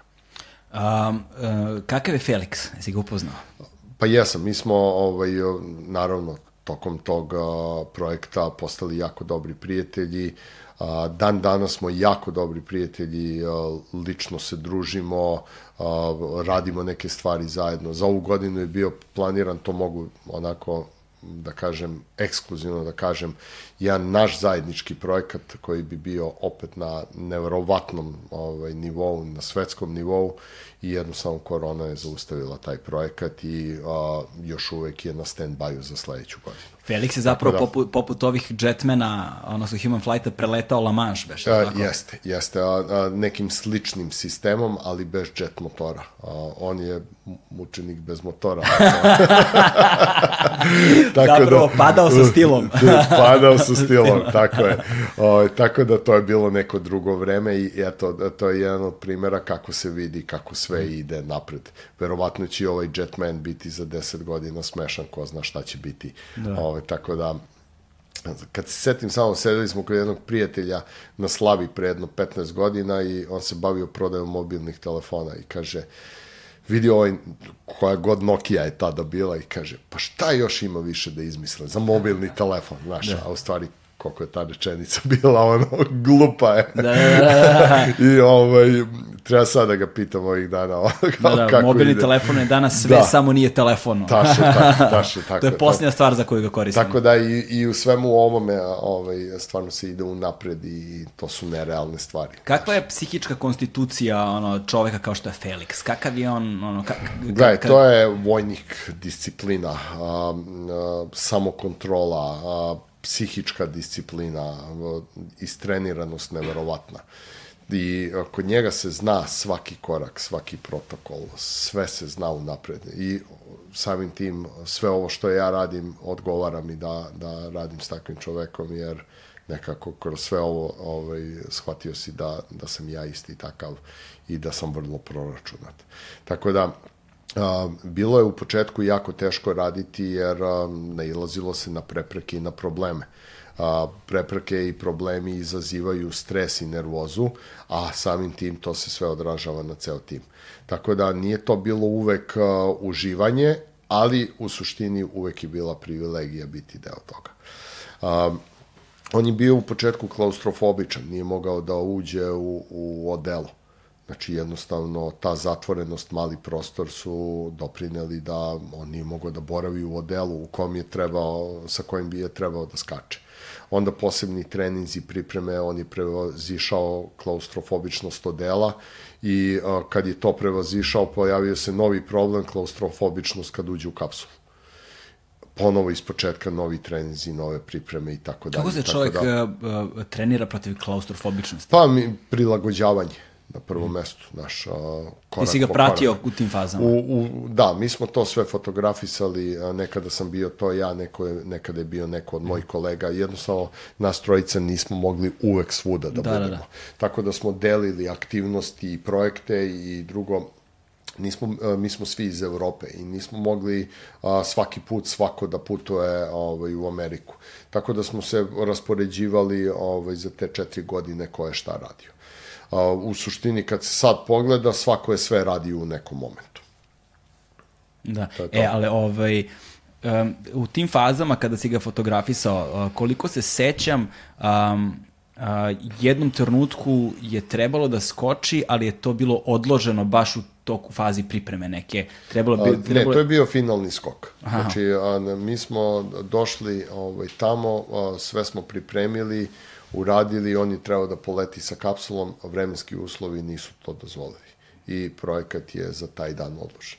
Došli smo naredni dan i a, sve smo pripremili, uradili, a to je čitav proces pripreme balona, kapsule, njegove pripreme, pa počevši od toga šta jede, pije, a, kako se hrani, šta, šta sve, znači sve to bila procedura za svakog od nas i, ovaj, i drugi put je odložen. I onda su širom sveta ljudi počeli da sumnjaju u, u celu priču, mislili su da je više marketing to odlaganje i držanje pažnje nego što je stvarno tako bilo. Ali u suštini vremenski uslovi definitivno nisu odgovarali. I onda sećam se, to je bio utorak, a, kada smo poslednji put to odložili. Gde se to beše desilo? Gde ste da, da, Roswell, New Mexico. Mm -hmm. a, tamo gde je Area 45. Da, da, da. da. Ovo, ovaj, gde su vanzemaljci. I ne, Area 51. A, 51, 51, da, 51, izvini, okay, izvini, da, da, da. da. Ovaj, a, tako da, ovaj, tamo gde su vanzemaljci, da, da, da, da, da, da, da. navodno. Ovaj, I a, tad kad smo definitivno odložili sve to, a to je proces. Mi a, počnemo u pet a, popodne, da bi u pet ujutru bilo lansiranje balona. Znači, mm -hmm. ono, 12 sati priprema. I tako dan za danom i na kraju su ono, svi odlučili da, da se to odloži za nekoliko dana. Um, posle toga smo ovaj, došli, skupili se svi, ovaj, taj dan kada je trebalo to da bude, vreme je bilo savršeno, sve uslovi savršeni i u suštini ovaj, tad se i desio skok, ovaj, taj treći pokušaj. E sada, kako a, a, o, oslika i mi atmosferu i dešavanja sa lica mesta. Sve ono što zapravo mi koji smo gledali preko TV-a nismo mogli da vidimo. Znaš, kako je izgledao taj boravak pa, u New Mexico? Ovako, a, vi dosta stvari niste mogli da vidite zato što je tu bila predstavljena suština. Mm -hmm. a, suština a, je bio finalni skok i to je ono što su svi videli. Ono što ljudi nisu videli, nisu videli ništa od naših priprema, stvari sa kojima smo se susretali i tako dalje. E, ispričajmo ovaj, Ponovo se vraćamo na te četiri godine. Mi, mi za te četiri godine smo imali baš dosta ovaj, situacija, fotografisanja i tako dalje. Samim tim, a, trening a, celog tima je postojao poseban trening. Kao što smo radili tamo za Kamčatku, imali smo trening za lavine i tako neke stvari i situacije. Ovde smo imali potpuno neki drugi oblik ono, od nekih a, a, peščanih oluja, a, šta raditi kada krene peščano oluja, šta raditi a, ako te ujede zvečarka zmija u pustinji, kako postupiti. A, znači, sve su to neke stvari koje, nevezano od same fotografije i aktivnosti koje to ne, taj neko drugi imao, a, smo se bavili. Tako da sve to iziskivalo vreme. Moj svaki boravak u Americi bio ono 20 plus dana. Tako da, ovaj, i pritom smo sve fotografisali, sve što se dešava smo fotografisali da bi na kraju to bilo ovaj, fotografski predstavljeno u toj nekoj knjizi kroz, kroz da, da kažem, zapis, zapisana istorija. Ovaj, prvi skok je bio sa 21 km, drugi je bio sa 29 ili 28 i ovaj, treći je bio sa 39 km u suštini obično me ljudi pitaju a, odakle si ti njega fotografisao. To je najuobičajenije ovaj, pitanje. Tako da, ovaj, ja nisam išao gore sa njim, on je jedini koji je išao gore, a radili smo to sa, uz pomoć kamera koje su bile setovane na određeni time-lapse i svakih sekund, dva, tri, pet, zavisi od kamere, ovaj, smo dobijali po neki snimak. Jesu li posto, postali neki izazovi za te kamere s obzirom na visinu? O, one su bile u posebnim kućištima i a, o tim kamerama je a, vodio računa Nasin tim, koji su već imali iskustva sa sličnim stvarima na toj visini, na tom proređenom vazduhu i tako dalje. Tako da već su postojala napravljena posebna kućišta ovaj, za te kamere. Tako da, ovaj, a, to je način kako je on fotografisan dok je bio gore, a sve ostalo vezano za zemlju, njegove pripreme, poletanje, sletanje, sve što se dešavalo, a, bili smo mi zaduženi.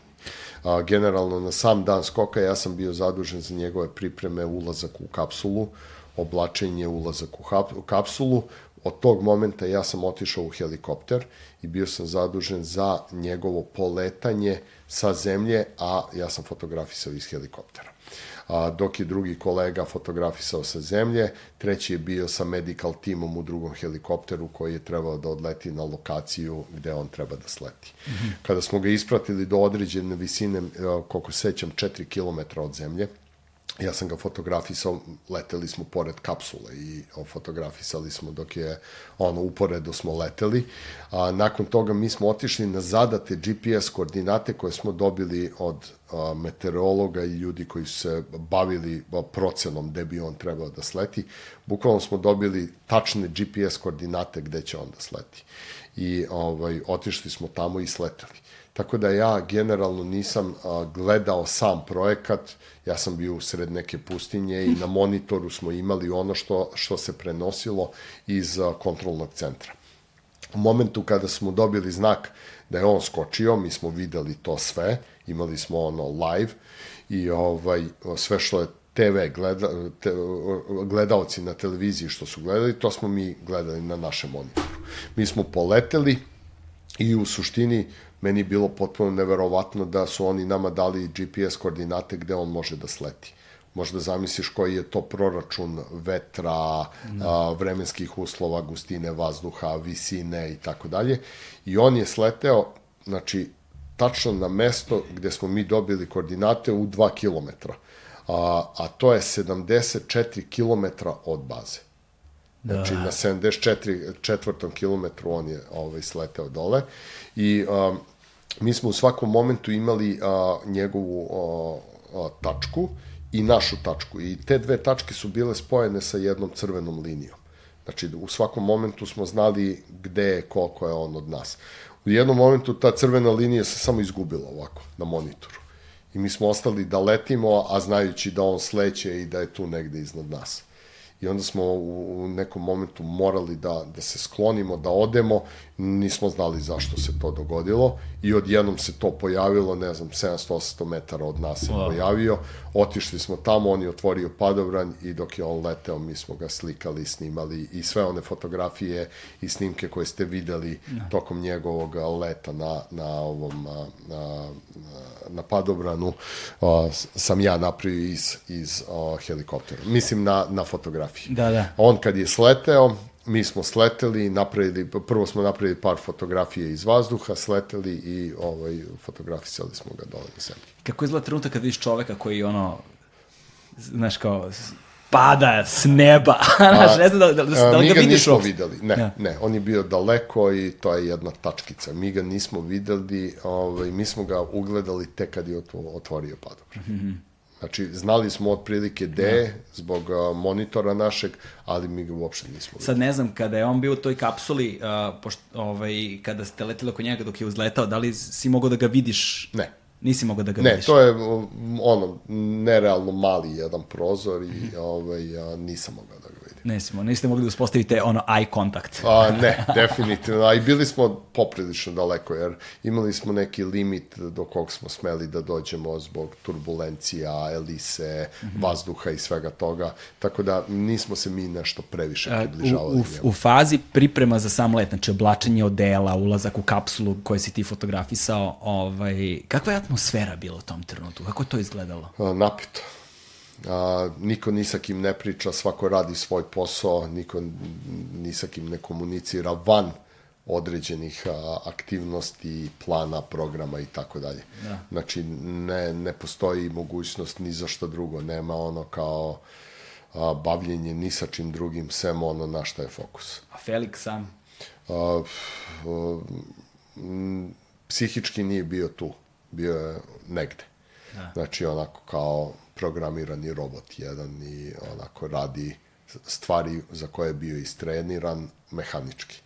U smislu mehanički to je izgledalo tako. Naravno da on to nije radio mehanički, da, da, da, nego smišljao, ali koncentracija je jedna duboka koncentracija na, na to što radi. I u trenutku kada ste prišli njemu dole, kada je sleteo, kako je to izgledalo? U pa, odnosu pa, na ovaj prethodni? Te, te emocije njegove i uopšte na prvom mestu što se vratio živ. Mislim, to, to je ono ogroman rizik postojao za sve. Ovaj, to je teško opisati. I onda smo se vraćali, on je bio u tom medical helikopteru, ja sam bio pored i onda smo pravili fotografije dok smo zajedno leteli tamo i sve to. I to je ono posebno nešto i tu imamo eye contact, on je pozirao, mahao da. i tako ono, sva, svašta nešto smo napravili. I onda povratak u bazu među sve te ljude, emocije svih tih ljudi, a, to je bio ono, da kažem, jedan od najvećih momenta kad se on susreo sa celom ekipom i tako dalje. Tako da, i ta grupna fotografija koju sam napravio, ono, jedna mi je od omiljenih, gde su svi posle skoka, ono, stoje ceo tim i on ispred njih u, u odelu, ovaj, tomu u kom je skakao. Mislim da smo stigli do samo kraja. Tako da, no, to je nešto što definitivno će ostati kao jedna od najvećih referenci koje sam za sada radio. Da li će se to promeniti, neće, to ne znamo, ali ovaj, u suštini ovaj, za sada je to neki highlight svega što sam fotografisao. Na, nadajmo se da hoće, znamo da hoće, sigurno hoće, nema, nema, nema, nemam nikakvu sumnju u to, poznavajući tebe, poznavajući tvoju požrtvovanost, fokusiranost, proračunatost i spremnost, znaš, da uđeš u, u, u te stvari, jer sećam se opet da se vratim na taj run iz Sarajeva, sad to nakon ove celove priče deluje strašno daleko, znaš, i obskurno, daleko i obskurno, ali se sećam da smo tada razgovarali ovaj, i, i, i da si tada bio u fazonu, da smo stali pričali, da si rekao, brate, ono, ovo mi je sada glavna stvar, sve sam uložio u ovo i fokusirao sam se na ovo i furam ovu priču. I, znaš, sećam se da je to bio dosta jak moment, jer ovaj, nisam do tog trenutka u životu sreo puno ljudi a, koji su bili spremni na tom nivou da se upuste u nešto i da daju 100% sebe i svoj život da posvete takve Pa jeste tako, ja sam to od prvog momenta tako odlučio mm. i sve mi je bilo usmereno ka tome i posvetio sam ovaj, sve tome i jednostavno cilj, motivacija i dan danas na istom nivou kao pre 20 godina. Eto, znači, to je ono, apsolutno identično, ni malo nisam posustao. Hvala ti puno na izdvojenom vremenu, hvala ti puno na ovom razgovoru, hvala ti puno na ovim ispričanim pričama i životnim iskustvima. Verujem, meni je bilo beskreno zabavno i fascinantno. Verujem i ljudima koji su slušali i gledali i siguran sam da su mnogi puno naučili za ovoga. Tebi hvala puno na pozivu, na sjajnom druženju sve ove godine. E. Znači, nevezano od ovog podcasta, ono, e. uvek smo imali neku sjajnu ovaj, atmosferu, druženje i sve i nadam se da ćemo tako nastaviti dok ostarimo, ono, kako to, god to bude. To, tako je, tako je. I puno ti hvala na, na mogućnosti uopšte da budem sa tobom, da pričamo o svemu, jer mislim da ovo što smo mi danas ispričali, a, jedan deo ljudi zna, ali ima nekih informacija i neke stvari koje sam po prvi put ono izneo, izgovorio i tako dalje, tako da nadam se da će biti ne. zanimljivo. Biće. Hvala ti puno, hvala puno svima vama koji ste nas slušali, koji ste nas gledali, ukoliko želite da podržite naš kanal, kao što znate, možete da uraditi jednokratnim uh, uplatama preko Paypala i mesečnim pretplatama preko Patreona, linkovi su u opisu profila, sve o čemu smo govorili, barem ono što čega, čega, čega mogu da se setim, sve ću staviti linkove, tvoj Instagram, tvoj sajt uh, i linkove za ove neke od ovih projekata koje smo pominjali, da možete vidite fotografije i snimke, zaista je fascinantno. Hvala ti puno i to je to. Hvala. Završili smo.